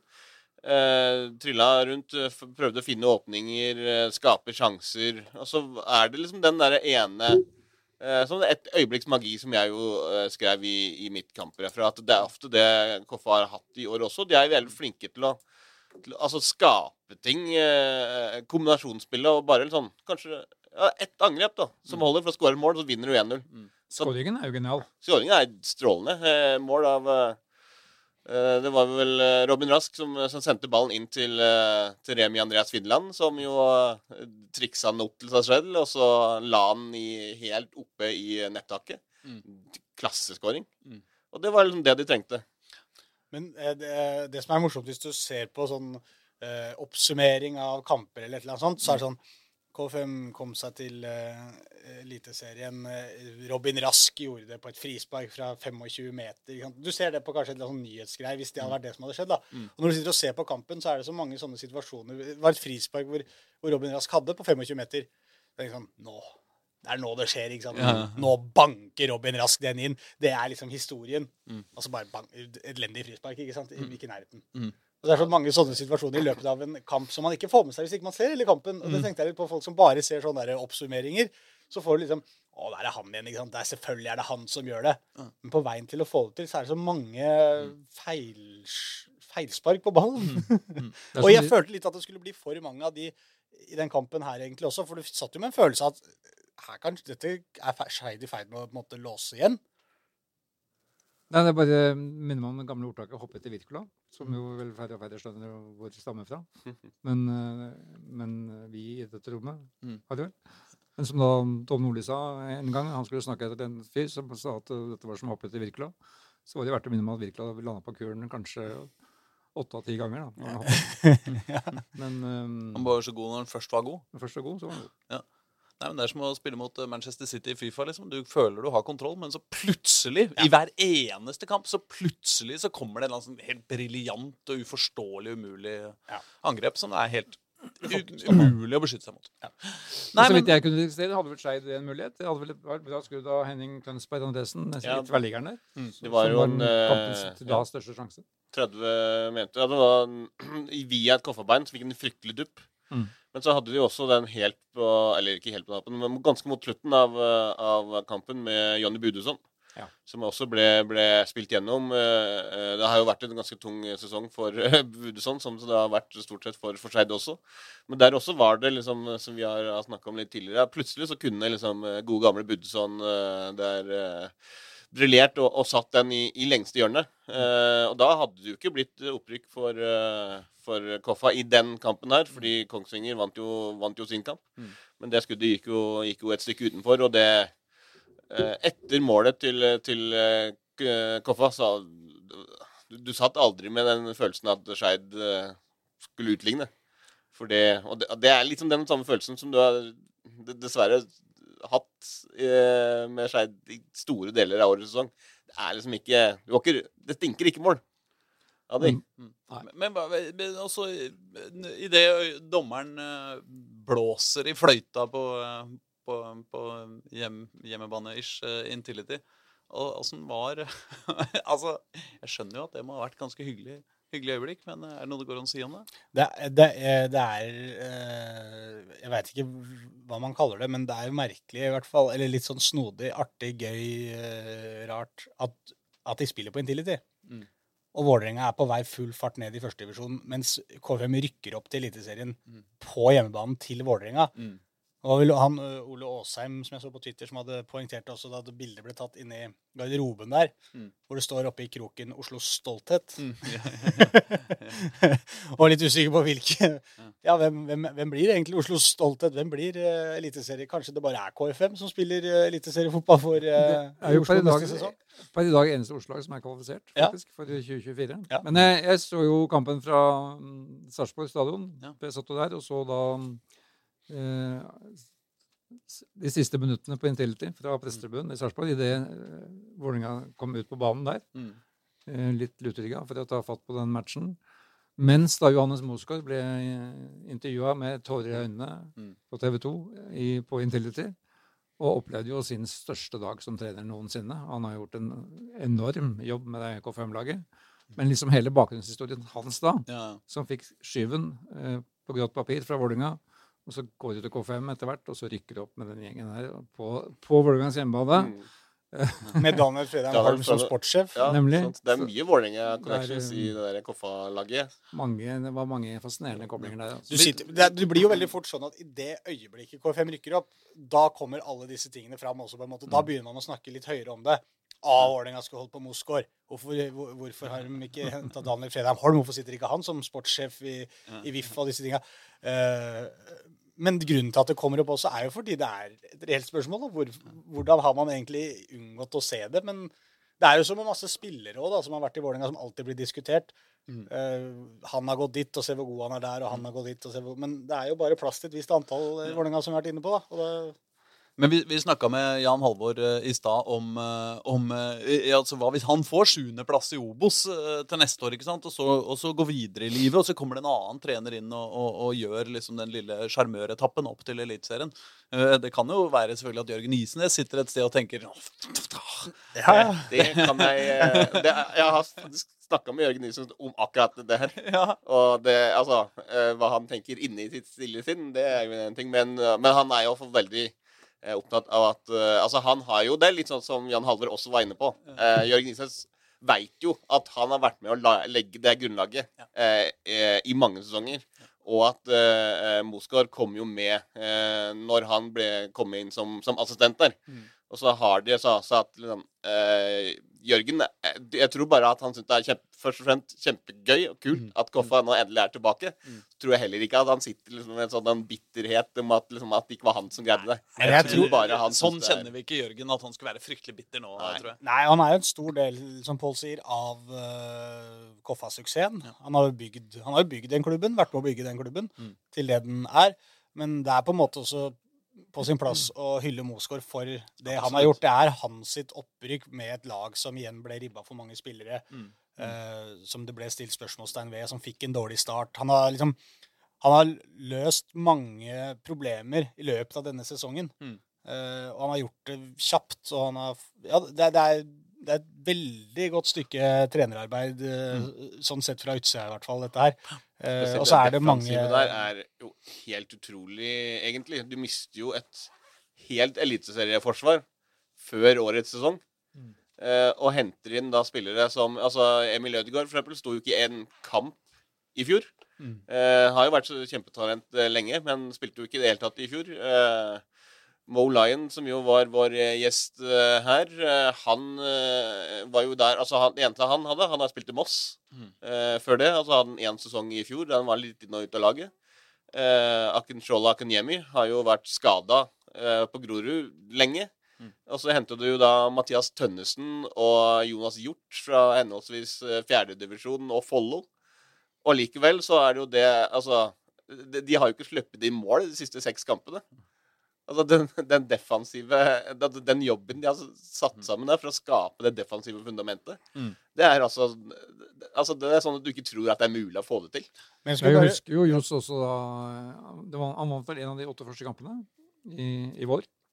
Han var jo en viss Det var en viss usikkerhet rundt den. Han var litt svett. eh, Han, ble svett, da. Og, men det var litt samme som, jeg, som Jørgen opplevde da han overtok K5. Første året hans i annen divisjon. De, Ja. de gikk en, det hangla og gikk gjennom en vårsesong kjempelenge uten Mm. at de klarte noe som helst. Og så falt brikkene på plass. Ja, og og jeg føler at KFM ser, eh, med tanke på liksom, hvis man drar linja med Isnes, da, de ser jo egentlig helt like ut, på en måte. da. Altså, De har jo vært veldig altså, eh, Der hvor på en måte, klubben og styret skal, skal få litt skryt, og de som tar avgjørelsen på hvem som skal trene dette laget, og hvordan KFM skal utvikle seg, de har jo gjort en veldig bra jobb med akkurat denne duoen Isnes-Mosgaard. Uh, Isnes som kom, var riktig mann. Mosgaard som kom inn. De to jobba sammen. Overgangen sånn sett ble ikke en sånn uh, pang. Nå stopper det med Isnes, og så kommer en annen inn. De har jobba sammen om dette prosjektet. her, så Det KFM-laget vi så denne sesongen her, det hadde sett helt likt ut med, med Jørgen eh, Isnes, på en måte. Det, det, du kjenner igjen KFM, og det, det har du gjort over mange sesonger. Og jeg tror Eh, klart at Jørgen Isnes satt oppe i Tromsø der og, og jubla, var fornøyd, syntes dette var dritkult. Men han var nok litt grann irritert på at han ikke kunne være med på hvert fall den festen Ja. der nede etterpå. Liksom, og få lov til å liksom, ja. eh, være med guttene og liksom det opprykket som jo Jørgen Isnes selv har snakka om i mange år, at han hadde så lyst på, og at det hadde vært så kult å få et koffe opp. Og han på en måte hele tida snakka imot jeg vet ikke, pressen og mot alle andre uh, supportere og klubbledere og alt som fantes der ute, om at K5 skal jo ikke opp. Ikke sant? Det er jo, mm. Mener du det virkelig, Isnes, at K5 at dere skal rykke opp? Sånn, ja, men det er fullt mulig, på en måte, det. Og snakka med det, og med en troverdighet overfor alle, føler jeg, som vi kjøpte litt. Det var sånn, ja, ok, ja, hvis du sier det. Og han backa det med resultater hver eneste sesong.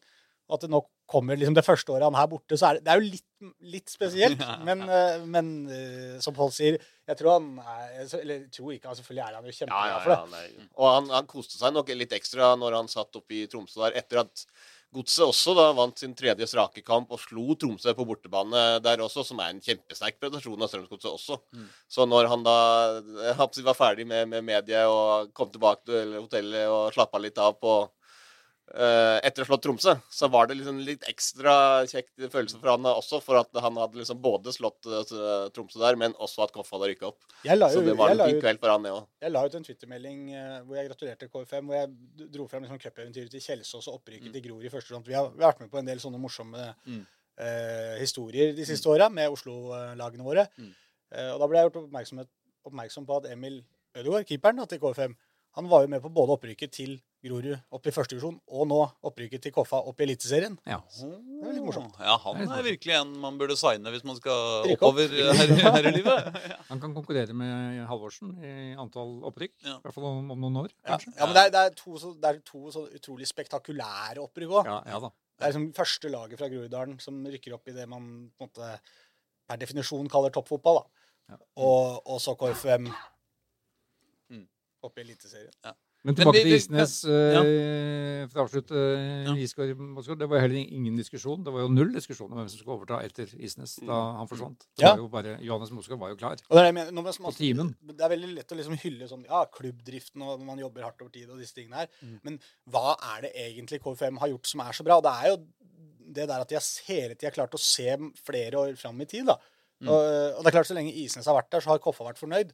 Men så har jo KFM forstått på et eller annet tidspunkt at hva skjer den dagen Isnes mm. de, de begynte jo å kjenne trykket, de òg. Allerede for et par sesonger siden så var det jo prat om skal Isnes dra, skal han ikke eh, dra. Og da tror jeg de begynte å tenke litt Ja, det er jo faktisk Vi gjør det såpass bra nå at det er ikke helt utenkelig at et eliteserielag eh, kommer og plukker Jørgen Isnes. Og hvem står egentlig klar til å ta over da? Det er jo litt det samme som hvis du mister kapteinen på Hvis Robin Rask forsvinner, da. Eh, De så gjør må- neppe nå. ja, men, ja, men, så, ja, men så må du ha en spiller Ja. i bakhånd som, som på en måte har vært litt inne der, kjent litt på rollen, og ikke bare en som blir signa dagen etter at han kommer og rett inn og skal lære seg alt på en uke.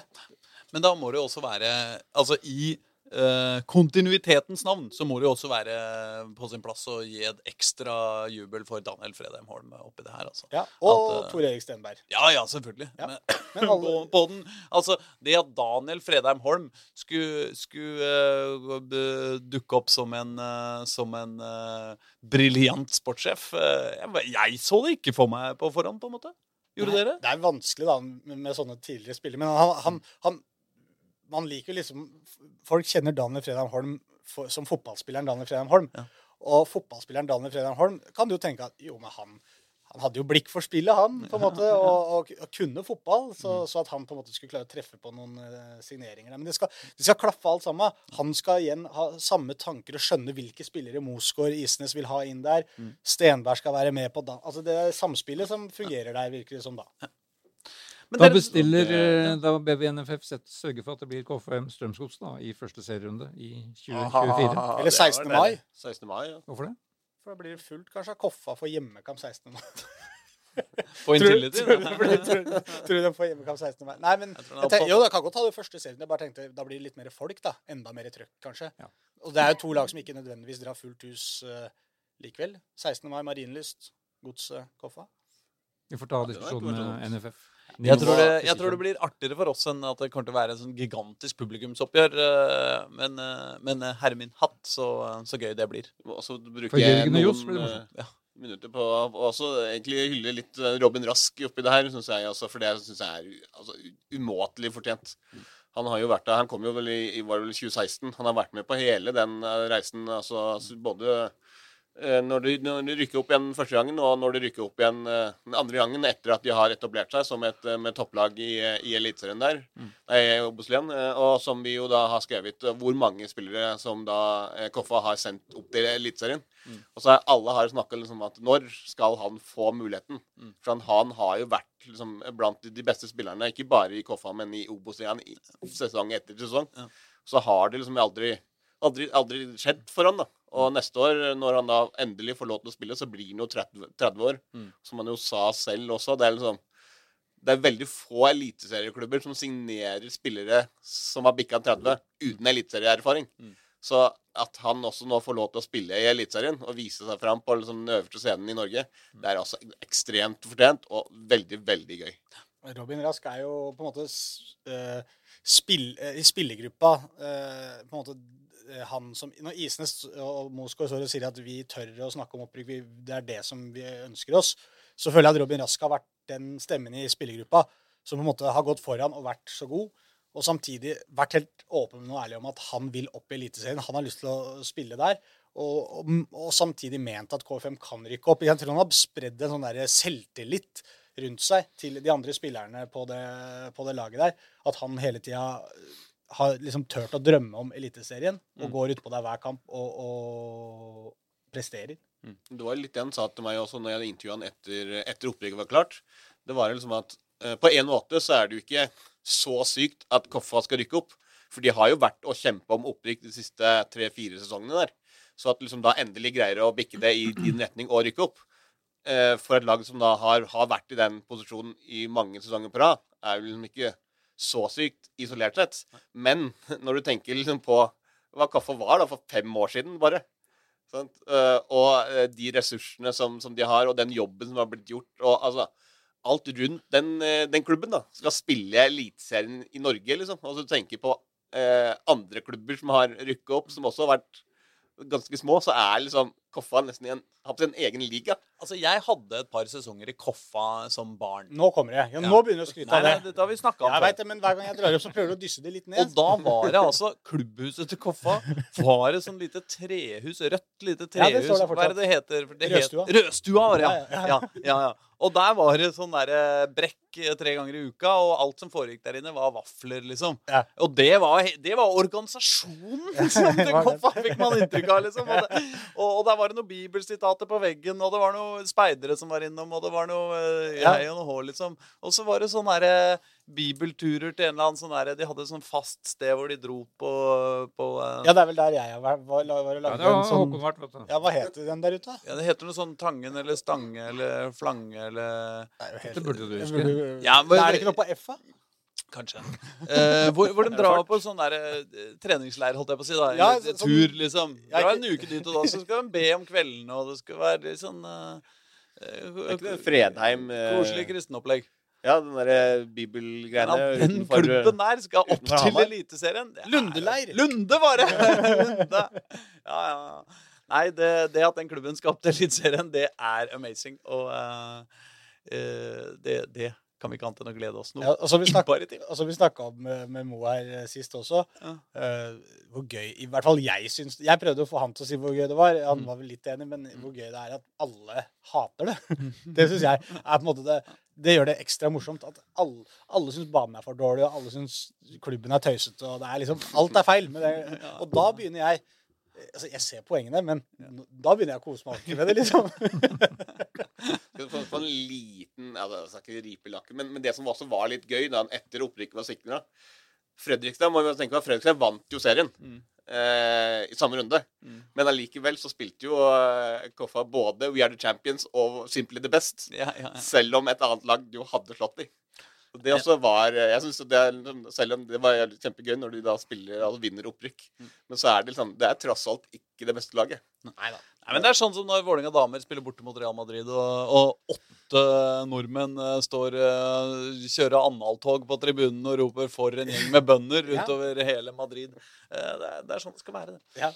Men dere, Men, Håkon, eh, vi skal bevege oss videre. Det er bare veddemålet da er avgjort mellom, eh, mellom Håkon og Pål. Og så Ja, men hold opp sånn. men, eh, men at avstanden altså, da, Det skiller da 43 poeng Ja, ja. i dag, før siste serierunde. ja. Det er mulig å hente opp det Det over er tid. Ja, over tid er det mulig. Det var det jeg skulle inn på. Ja. Kan vi si kvitt eller dobbelt 2024, eller? Fordi KFM er Ja, da at Skeid er foran om to sesonger. Nei, nei, jeg bare mener Hvem er høyest i sine respektive divisjoner i 2024? Ja. KFUM eller Skeid? Det var jo det jeg Nei da. altså, da må jeg nesten høye Da må jeg sette en knapp på, på Skeid. Å ja, så da bytter du, ja. Men, ja, men da eh, bytter jeg òg. Da tar jeg Koffa. 2024 er vanskelig. Men, eh, men eh, nei, altså, jeg vil jo bare takke for god innsats. Hoffa eller meg? Nei, deg. Ja, ja. Jeg, Det har ikke, jeg har ikke lagt det som innsats. Nei, det var nesten. Jeg burde, jeg føler at jeg burde Vi burde lagt noe i potten her. Fordi Ja, men den eh, for å snakke da to ord om Skeid også, det er jo helt sjokkerende at de, ja, de, står med sine 14 poeng. Det er jo helt uh, hinsides. Det er jo, det er jo Alle, litt alle tips på forhånd. ja, det er jo litt sånn altså, som i uh, Iallfall i det, det veddemålet her også, så har jo Skeid gjort det langt dårligere enn jeg hadde forventa.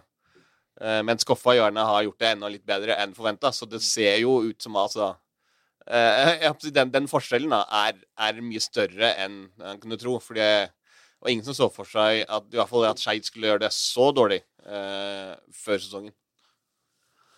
Da Da Vi skal vel sikkert oppsummere kanskje litt disse lagene etter hvert på et eller annet tidspunkt også, når alt er ferdig. Absolutt. Vi skal ikke slutte å snakke om disse lagene. Nei, det, er, det, er det er jo er serien igjen. Det er jo, det er Ja. jo helt hinsides at K5 er ferdig med sesongen før, før sesongen er over. Ja.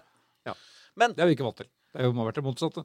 De har jo vært i en endeløs kvalik langt ut i desember. En liga som på ingen måte er ferdig, sjøl om det er like langt igjen, er uh, toppserien. Uh, vet ikke om dere har hørt om den? Dere ser så undrende ut.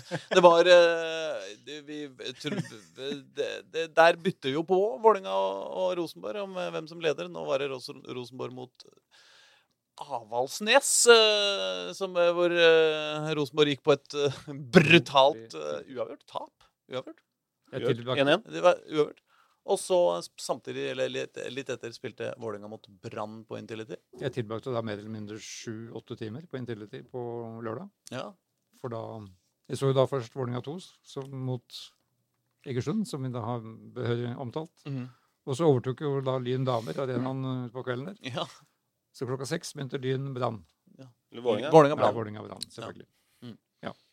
ja, så toppserien er vi a jour med. Ja, ja, og det, dette var jo en kamp som hvis Vålerenga nå Altså, Når den kampen begynner, har vel Rosenborg allerede tapt? Har de ikke det, da? Spilt uøvert. Ja, nei, unnskyld, spilt uøvert. Så det betyr at hvis Vålerenga vinner over Brann, så, eh, så er man plutselig i Har liksom alle korta i orden. Da, da er man jo der. Eh, men så enkelt var det ikke. Du, Nei, du så var enkelt på var det ikke. Intility. Nå må bare spole tilbake. Ja, ja jeg var på, var på Intility, og Men Brann hadde vel ikke sluppet inn mål siden Nei, Brann har ikke 1. sluppet inn mål på, på sju kamper. Ja, Ja. et, etter at de skifta trener, hadde ikke Brann De har jo funnet seg sjæl, eller funnet, funnet seg igjen, eh, disse bergenserne. Eh, og slik fortsatte det jo her også. Mm. Uh, Vålinga gikk eh, det, er vel den kampen jeg har sett Vålinga damer i år hvor de har gått heftigst ut. Mm. Altså De pressa høyt og Mm. samstemt, hele gjengen. Eh, imponerende energinivå Mm. med Mimmi Levenius i, i spiss. Men de fikk jo ikke ballen i mål. De skjøt over og utafor, og så skåra Brann på en, eh, på en kontring. Mm. Men så fikk jo da Vålerenga pirka inn en utligning på en, eh, en tilfeldighet ved nettopp Mimmi, Mm. som egentlig var sjuk. Fordi hun var smetta av sin eh, unge i barnehagen.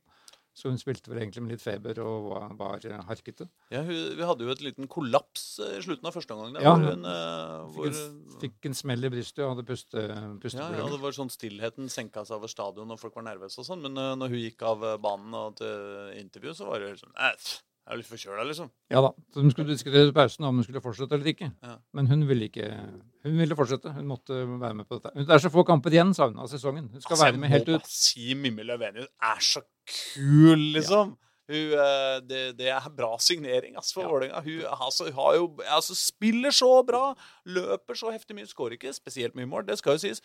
Men altså, og den derre attituden på hun dama det er sånn, jeg, jeg ser det jo bare på avstand, men det er sånn at jeg får følelsen at hun kakker litt på hælene til motstander, eh, motstanderspillerne i hvert eneste berøring. Og, altså, hun eh, Jeg er sikker på at eh, de andre hater henne eh, veldig intenst, men jeg syns hun er altså så kul.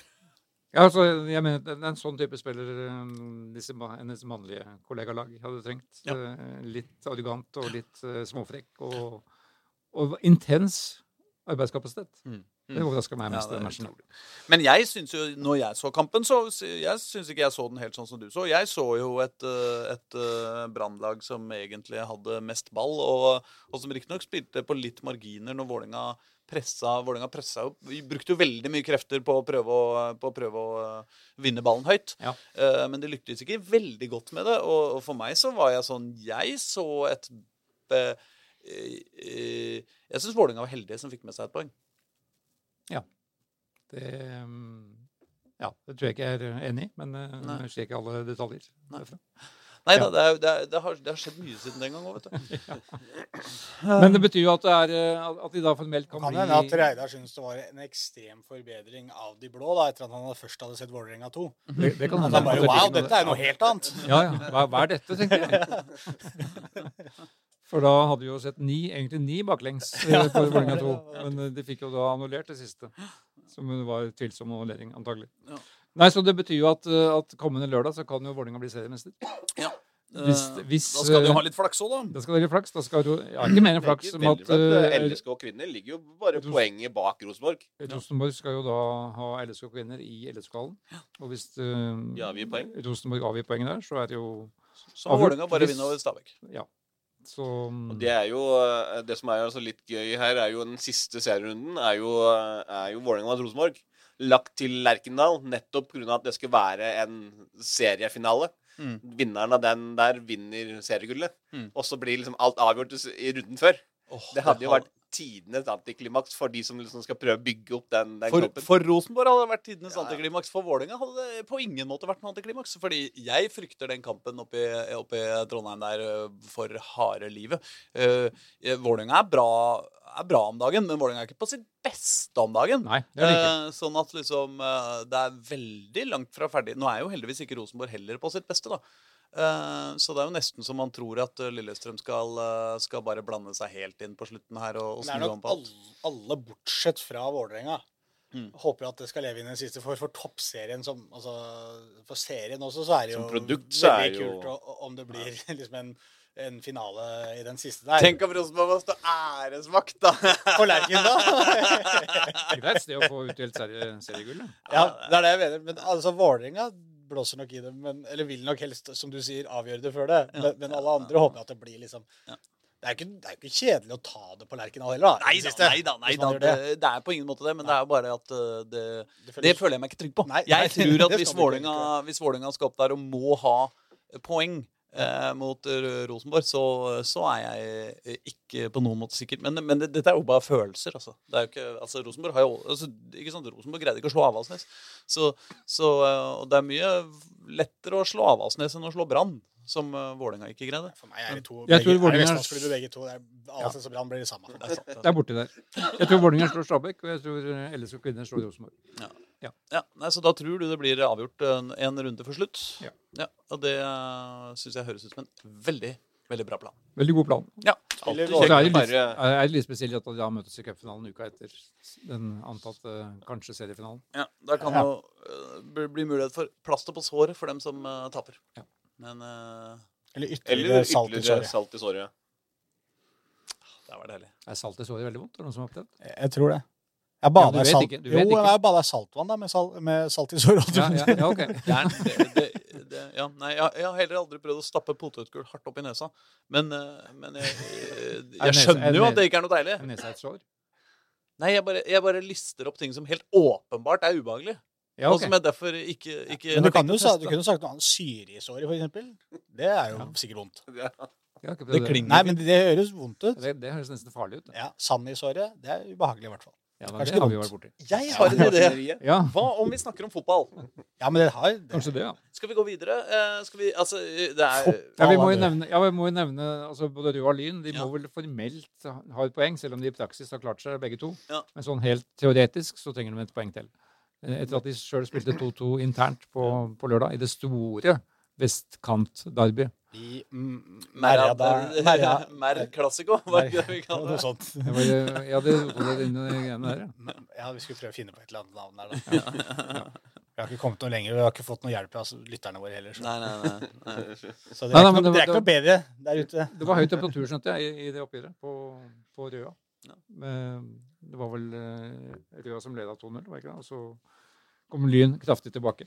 Stemmer det. Men eh, Så de avslutter da, og Lyn avslutter da mot Brann kommende lørdag. Jeg må si at Avaldsnes, som nå har minus 40 i uh, målforskjell omtrent Avaldsnes. Ja, ja. Og som må vinne begge sine eh, kamper, og, og enten Rød eller Lyn tape begge sine, Ja. Og så skal altså da Avaldsnes eh, Altså Lyn har jo minus 12, og Røa har eh, minus 10. Så de skal jo da også skåre 30 mål, da. Ja, jeg sa at det Eh, var, ekstra. Jeg sa, jeg, sa, jeg sa at det var teori. ja, ja, ja. Det, er, det, er, det, er, det, hard teori. Og det er vel Avaldsnes Røa i siste match. Nei, Ja, det betyr, da, da slipper de unna med å skåre 20 mål, da. Ja. Så hvis Avaldsnes vinner med 20 mål der, så har de fortsatt en sjanse. Uff, det blir Teori. spennende. Det blir spennende. Ja, ja, vi, er jo, det er jo den dagen i dag eh, eh, hvor man må se for seg veldig veldig store seire for at uh, ting skal bli uh... Nei, men da er vi vel ferdige, Ja, er vi ikke sant, det? Nei, nei, nei, nei, nei. Jo, på en måte. Det hadde vært deilig. La oss, skal vi bare suse gjennom andredivisjon? Er det noe mer vi trenger å snakke om der, bortsett fra Lyn og Egersund, som vi jo har snakka veldig mye om? Men altså, Anlagsdebatten har vi vel også snakka nok om. Ja, den har vi snakket Eh, nok om også. Så dere forresten at uh, jeg synes det var veldig gøy at det var en en på Twitter hvor jeg var, og det var diskutert, ble diskutert noen lyngreier. Mm.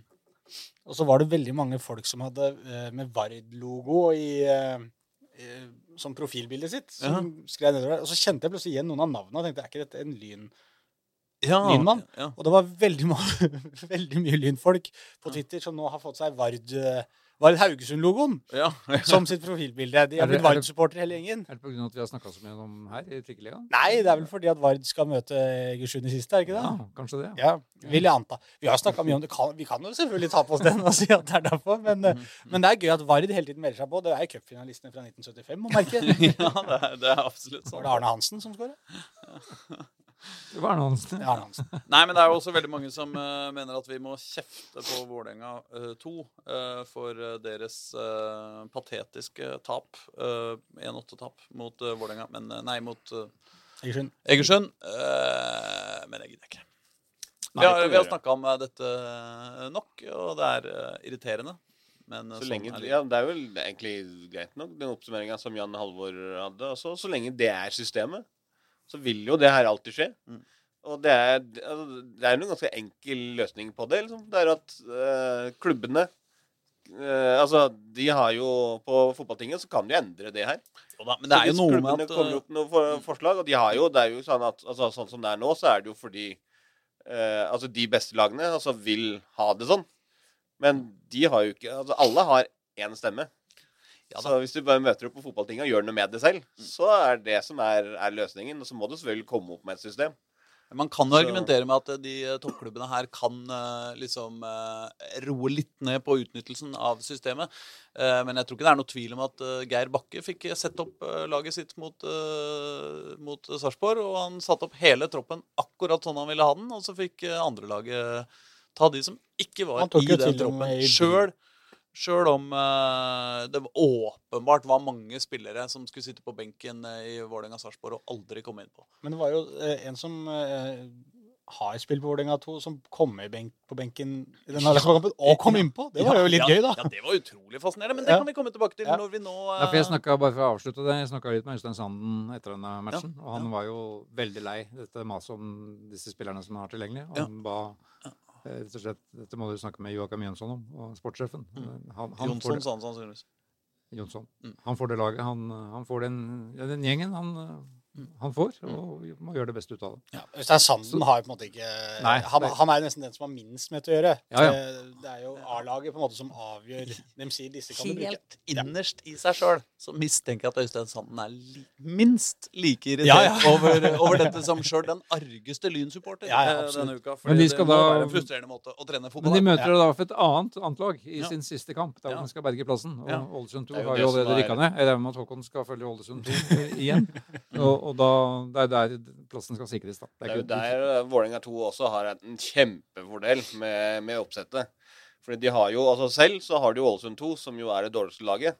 Men i tillegg så er det liksom eh, Fram og Vard Haugesund, som jo er på nedrykk, de møter jo da altså Egersund og Lyn. Som jo da må vinne altså Lyn må vinne gjerne nesten tosifra, liksom, hvis Egersund vinner mye. Mm.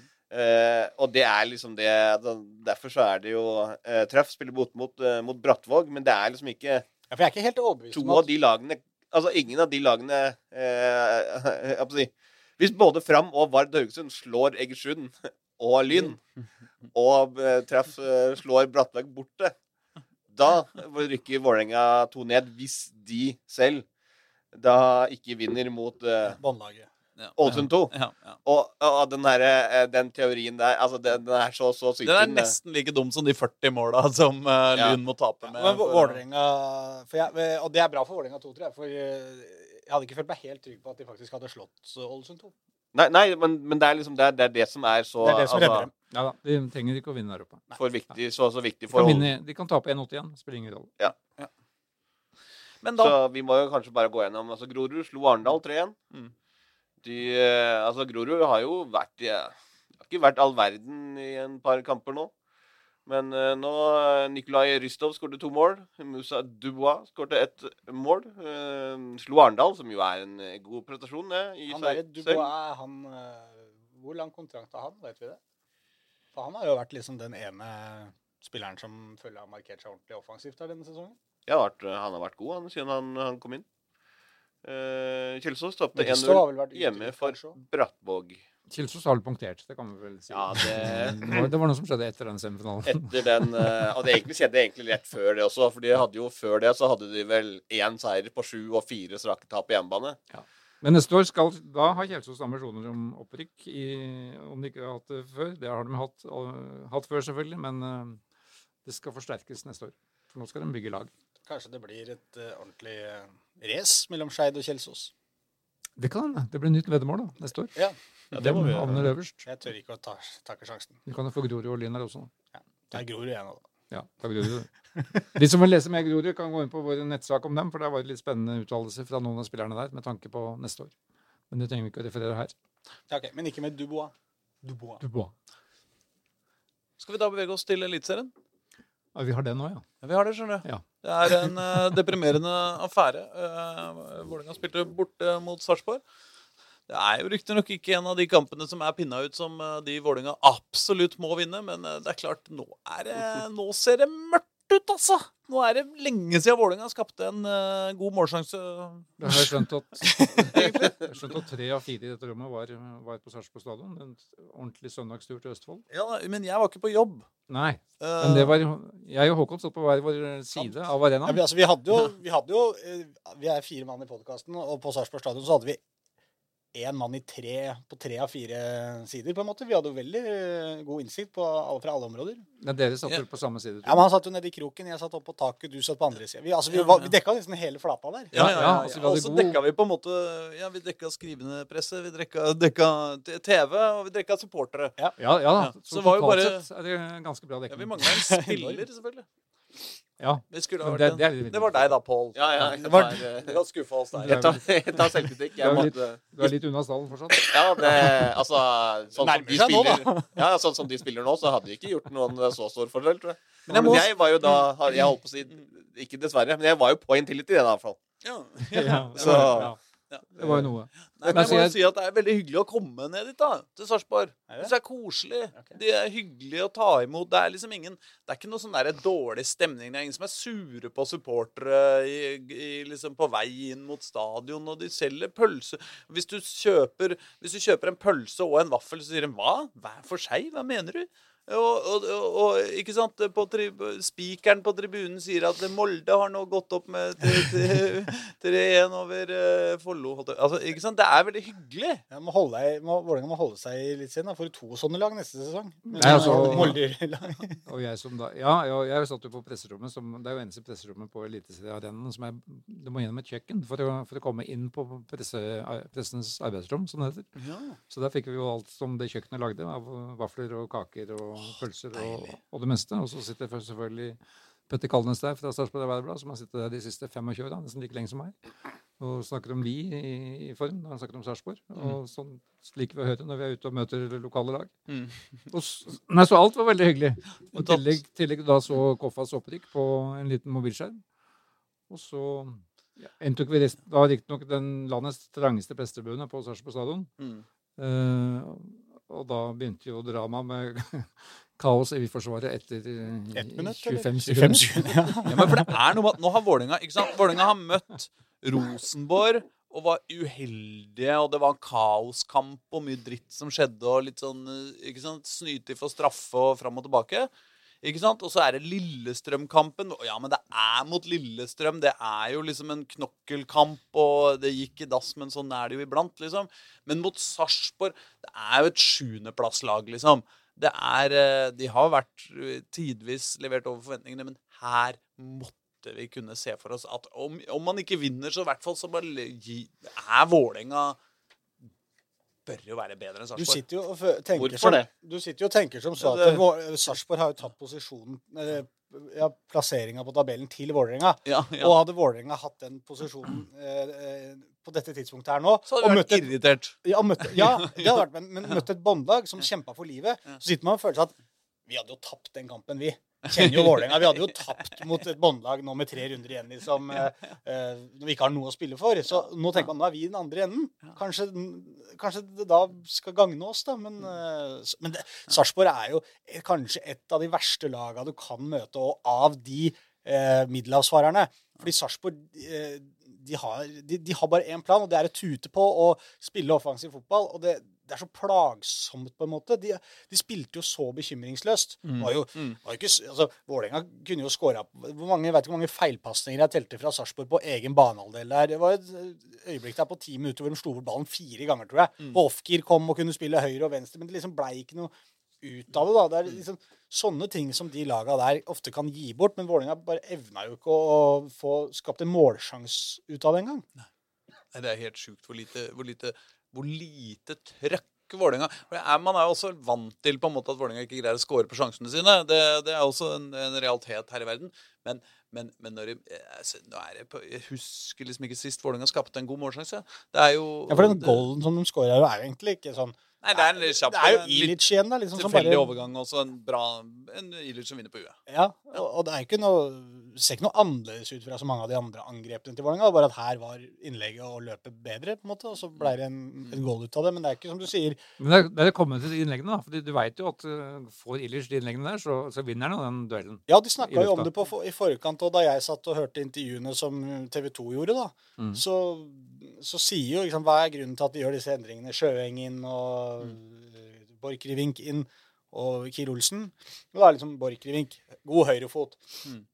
Skal vi få brukt til å slå litt innlegg? Det var jo Mm. knapt nok et innlegg. Altså, de gangene han kom til ålreite innleggsposisjoner, så sleiva han utover sidelinja og hadde til og med et frispark, sjeldent frispark som Vålerenga fikk. Vi tenkte nå får han jo stå helt i ro Mm. slå et frispark inn i boksen. Det var ikke en sånn kjempefin vinkel, men det var halvveis inn på banehalvdelen til Sarpsborg. Mm. Og litt ute på kanten. Og da får du jo bedre arbeidsforhold får du jo ikke til å slå et godt innlegg, og Mm. ikke i nærheten av noe som helst. Men hva skjedde i åpningsminuttet der? Du var jo tett på. Jeg, jeg var jo på den pressebunnen og krangla og kjempa for å få sete, og så plutselig bare lå Stefan Strandberg skada der. Så jeg. Ja, nei, vet du hva ja, altså, For å være helt ærlig, det er en av svakhetene med å ha sånn uh, supportertribune liksom helt på sida altså, Bak, sving, bak uh, målet har noen fordeler. Lang, mange vil jo helst sitte på langsida, men helt på sida på langsida, da ser du ikke så mye, altså. Og så er det så mye flagging og blussing og bannere og uh, alt mulig. Så, så nei, jeg så ikke så mye av kampen, jeg, for å være helt ærlig. Eh, men, men, sånn, Men det som skjedde, hvis, sånn- bare for jeg ja. så det jo Strandberg, da, hvis vi bare skal ta det. Det var et innlegg og en duell. Han blokkerte vel i en avslutning, tror jeg. Var, og så kom det en spiller løpende som jeg tror traff Strandberg i etterkant når de lå nede, eller Ja, noe sånt. ja, for han fikk et slag på innsida av kneet, sa han til meg etterpå. Ja, jeg tror, jeg tror det, ja, enten så fikk han det i den duellen, eller så var det en som var borte like etterpå der. Ja. Ja, for ta, først, Det var et keeperskifte, da, som vi antyda etter forrige kamp kanskje Ja. kunne komme. Men Ja. eh, ifølge Geir Bakke var det da ikke på, på grunn av keepertabben til, til Jakob Storvik, selvfølgelig. Det, man er jo diplomat. Mm. Men det er for at de da per analyse hadde trodd at Sarpsborg kom De hadde veldig mye trafikk i boksen. Så, som du sier, de, er veldig, de angriper jo hele tida hvis de kan. Mange, masse innlegg. Og da anså dem at Magnus Roeng har bedre rekkevidde enn Storevik. Storvik. Ja, så han er jo god på, Det snakka vi om eh, bare for en kamp eller to siden også, at han er god på, å- plukke innlegg. Ja.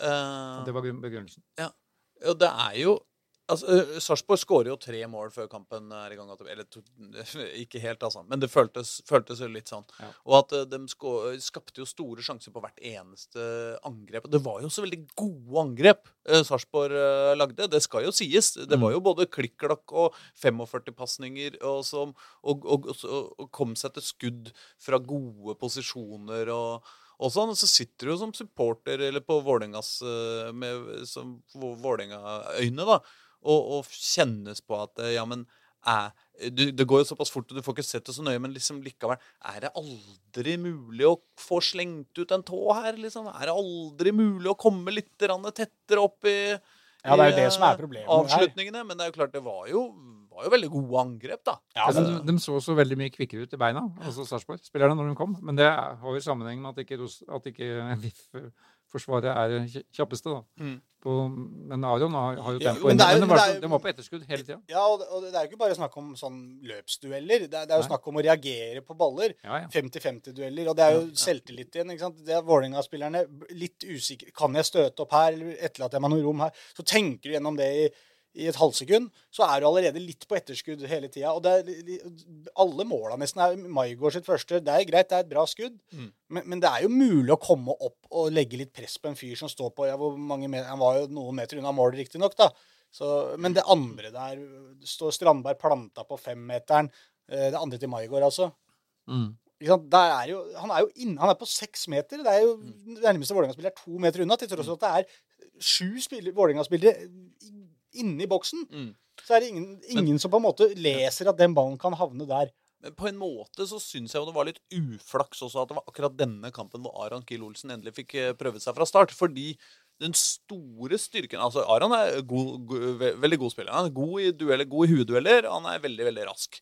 Men eh, i denne kampen så var det jo ikke først og fremst løpsdueller eh, som, som eh, var Vålerengas eh, svakhet. Fordi, eh, for, fordi angrepet var jo ikke sånn superraske. Det var jo ikke bakromsspill eh, Fredrikstad, nei, Sarpsborg drev med. Ja. Ikke sant? Eh, sånn, at, eh, sånn at eh, her eh, hadde vi jo kanskje like mye trengt, eh, trengt den derre eh, bakkeduellkrafta, da. Eh, hvis du skjønner hva jeg mener. Det vi trenger her, det, det Vålerenga hadde trengt i denne kampen her, var en som eh, eh, blodig og nådeløst kasta seg inn i alle, eh, alle baller som kom eh, sentrene på kryss og tvers Ja, men- men- i egen boks. Men Kiel Olsen har jo, er jo faktisk ganske god på akkurat det å blokkere avslutninger. Og han hadde vel han og Stefan er gode på det. Ja, og, og han hadde vel et par ganske avgjørende blokkeringer ikke avgjørende, det vet man aldri, men han hadde et par blokkeringer av noe skudd, i hvert fall Kiel Olsen, i den kampen. her. Så, så eh, han gjør en helt grei kamp, egentlig. Kiel Olsen skårer jo 2-3-mål Nei, 3-2-målet Ja, ja, ja. på slutten der også. Syns han, han skårer en to-tre mål som midtstopper. Det er jo det er. Ikke så gærent. Nei, det er ikke så gærent, det. Så, så, men jeg er enig i at eh, Men da tror jeg, da tror jeg heller jeg hadde ofra Oldrup Jensen. Ja da, ja da. Det, det Og så spilt med biter i Strandberg og eh, Kiel Olsen, som faktisk er tre stoppere, da. Men eh, ellers så syns jeg jo på en måte at resultatet ljuger. For Vålerenga får jo to mål. Det ene som vi snakka om, om Ilic eh, sin, sin uh, nick. Som er, det er vel nesten første gang han scorer med, med beina. Men da har han nikka han han han i tverrleggeren og så fått den tilbake på foten. Det er sånn, Da kan du score med beina. Det er okay. ja. Men også er det en corner i andre omgang. Og da begynner jo Vålerenga å ha et visst press på slutten der.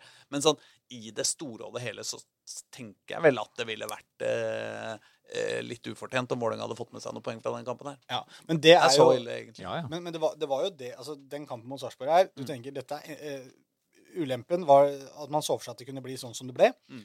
At Sarpsborg spiller eh, offensiv fotball, det visste man jo. Men at de liksom senka skuldre, ikke noe å tape. De driter jo om De mister en ball, liksom. De bare tuter på. En ny mulighet kommer snart. Eh, Det andre hadde jo vært at de da gjorde det, akkurat det, men ikke med den kvaliteten som de kom med. Og at Vålerenga kunne fått mange flere brudd enn det de faktisk eh, gjorde her. Og det var det som drepte Vålerenga litt, følte jeg. At det tok som fryktelig lang tid mellom hver gang egentlig Vålerenga fikk tak i ballen. Og så var det litt sånn pressa situasjon, prøve å lempe den opp på Ilic, som kanskje skulle vinne en duell der, og så at han skulle få den til off-keer. Det skjedde jo noen ganger, Mm. men derfra og inn så er det to mann som løper i angrep, føles det som. Det er off-keer og Ilic, og så Mm.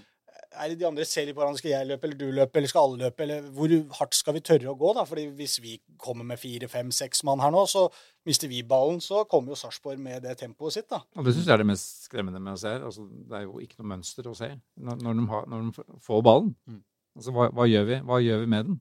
Ja. Hvem, hvem, hvor går løpene? Hvem, hvem skal fram? Ja, planen er liksom hvordan man skal spille forsvar, virker som å være grei Altså, vi skal stå plassert sånn og sånn og sånn, liksom. Mm. Så er, der mangler det samtidig mye på intensitet og alt dette her, da. Men altså sånn Strukturen er sikkert grei nok, og det er sånn skal vi stå, og sånn skal vi forsvare Altså, Det tipper jeg de har noenlunde kontroll på. Så er liksom, når de vinner ballen, så er det virkelig som det er bare ett alternativ. Ilic og Ofkir. Mm. Eh, Opp på Ilic, ned til Ofkir. Men, men der, som du sier, derfra inn, som jeg også prøvde å si, da, er det jo ingen plan. Skal, den, skal, skal, er skal Borchgrevink komme? Skal, han, skal Vi- han slå en fra høyre, eller er det Vi får håpe at det er en plan. Ja. Altså, noe, noe holder hun på med på treningsfeltet. Fra Ja. Men dere- til. Vi kan ikke grave oss lenger ned i uh, Vålerenga. Uh, men vi kan kanskje se litt på hvilke, hvilke utfordringer som, uh, som nærmer seg. For de ligger da under streken. Det er nå, Etter at uh, Sandefjord da slo, slo Ålesund på mandag, så er det jo, så er det jo fullstendig katastrofe, selvfølgelig. Eh, men uh, Vålerenga har mye lag, eh, poeng er det nå? 24? 24, ja. Det, er jo, det har ikke Det har forandra blitt så mye at du har Det er lett- tellingen. Det har ikke lett å hendt huske. seg. Etter, Eh, Stabæk har 25, og Sandefjord har 25. Uh, og så har vi HamKam eh, over der igjen. men eh, så det er vinne den, vinne den ligaen i bånn der. Det er, det, er de tre, det er de tre laga, eh, Sandefjord, Stabæk og Vålerenga, som spiller om én eliteserieplass og én kvalikplass og én nedrykksplass. Vålerenga skal møte Stabæk. Eh, og Vålerenga skal møte HamKam, og Vålerenga skal møte Rosenborg. Ja. Dessverre to og tre hjemme. Men uh, vi får håpe at det er snurt at det ikke er dessverre lenger. Men det er jo på en måte en slags fordel kanskje at, uh, at HamKam er, uh, er såpass godt foran, og at uh, de må begynne å puste litt med magen oppe opp i de dype skoger. Det er eh, altså den kampen på, Nei, ikke dype på skoger, unnskyld. Det er Ja, det, det er Kongsvinger. Det er ikke garanti at 30 poeng holder, da. Nei, Nei, det er akkurat det. Så, ja, og Vålinga, Nei, HamKam har nå Strømsgodset borte. Vanskelig kamp. Altså, det, er, det, er, det var en ekstremt viktig seier for, for HamKam, men også fordi de har et veldig, veldig tøft kampprogram eh, igjen. Mm. Men, eh, men den eh, kampen som Vålerenga skal til på Briskeby, det blir vanskelig Altså, eh, hvis eh, Hvis HamKam tar et poeng mot Strømsgodset, f.eks., Mm. så kan den kampen bli litt lettere, for det er ikke, altså, det er ikke så knivinn på strupen for HamKam. Men hvis HamKam må vinne den kampen mot Vålerenga, Mm. Det blir ikke det en lett kamp for Vålerenga å ta poeng i heller, altså. Nei, nei. Men den, den kampen som kommer om Stabæk, den er altså så viktig at Det eh, er nesten vanskelig å vite hva som er best for Vålerenga med HamKam. Altså, hvis HamKam taper mot Godset, så er på en måte HamKam fortsatt en del Altså, Da er det fortsatt et lag man kan Ta igjen. ta igjen. Mm. Eh, ja, de kan vel det. Akkurat. Ja. Nei, det er jo ikke akkurat engang. Det er jo tre kamper, og det er jo bare seks poeng. Eh, Så det er jo god margin, holdt jeg på å si. ja, det kommer litt an på hvordan ja, Hvis Vålerenga Vålerenga vinner tre kamper, så er jo Vålerenga er tre ja, ja, ja, ja, da er det ja, Det er, ni, det er ni poeng til. Jeg tenkte før hvis det skiller seks poeng før de møter HamKam, da, Mm. i den nest siste runden Altså, kortversjonen er at Vålerenga må vinne to av tre kamper. Ja, og da er det ikke sikkert. Nei. Uh, man er ikke trygg ved å vinne to av tre kamper heller. Nei. Men hvis man ikke vinner to av tre kamper, altså hvis man bare vinner én av tre, f.eks., eller uh, hvis man får noe mindre enn seks poeng, så, eh, så, så, så lukter det vel. Ja. Eh, eh, lukter vel direkte nedtrykking. Ja. Uh, men det er klart, både Stabæk og Sandefjord kan jo også kollapse på slutten. Uh, det bare er det er, ikke, det er ikke så dårlig stemning i noen av de klubbene som det er i Vålerenga.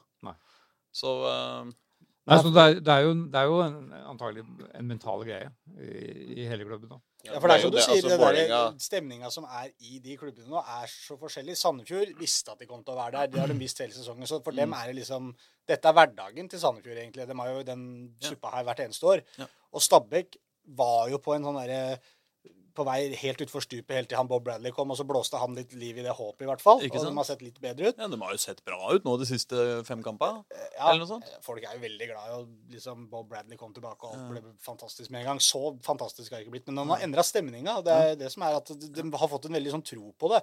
Jeg Og da skjønte at, blir det jeg skjønte at på Glimt nå, når de tapte 0-4, så ga dem litt altså de, Ja, de begynte å tenke neste kamp allerede i midtveis i andre omgang. Ja. Det, Det er jo det er for Stabæk har jo nå Vålerenga, og så runden etter Sandefjord. Ja. Så, Så, så altså for, for Altså Ja, det, er det, det er jo litt det som alle, alle de tre lagene her kan føle på, da. At de har det litt i sine egne hender.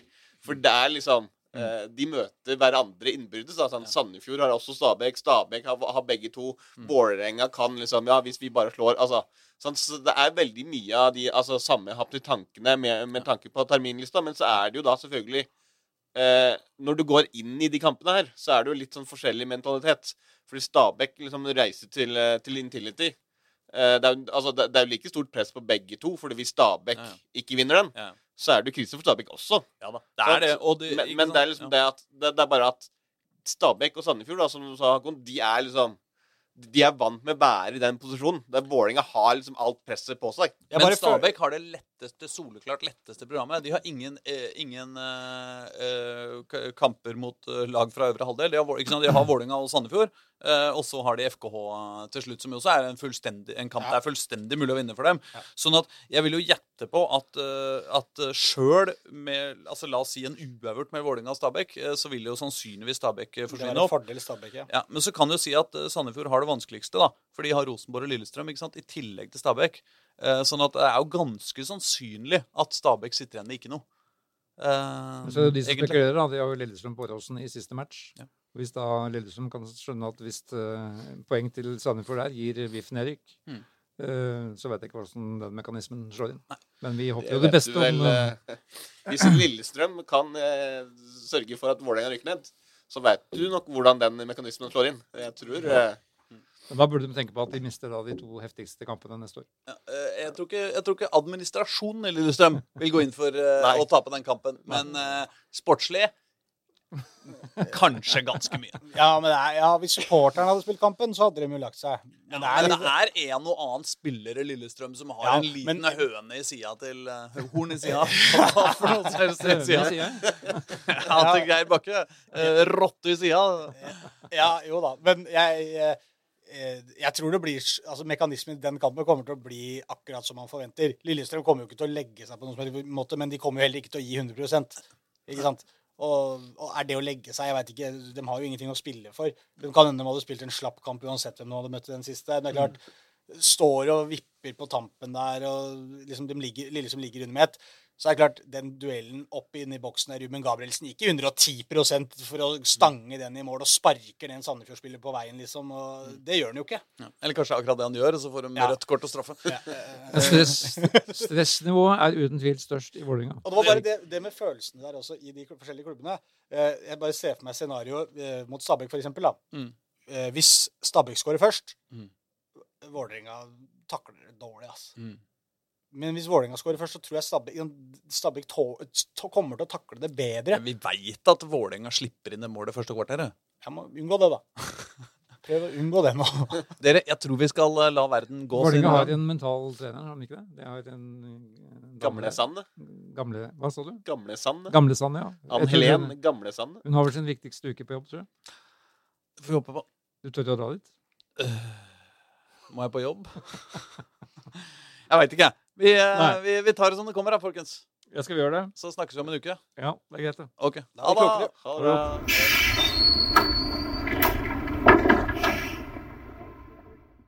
Du har hørt en podkast fra Dagsavisen.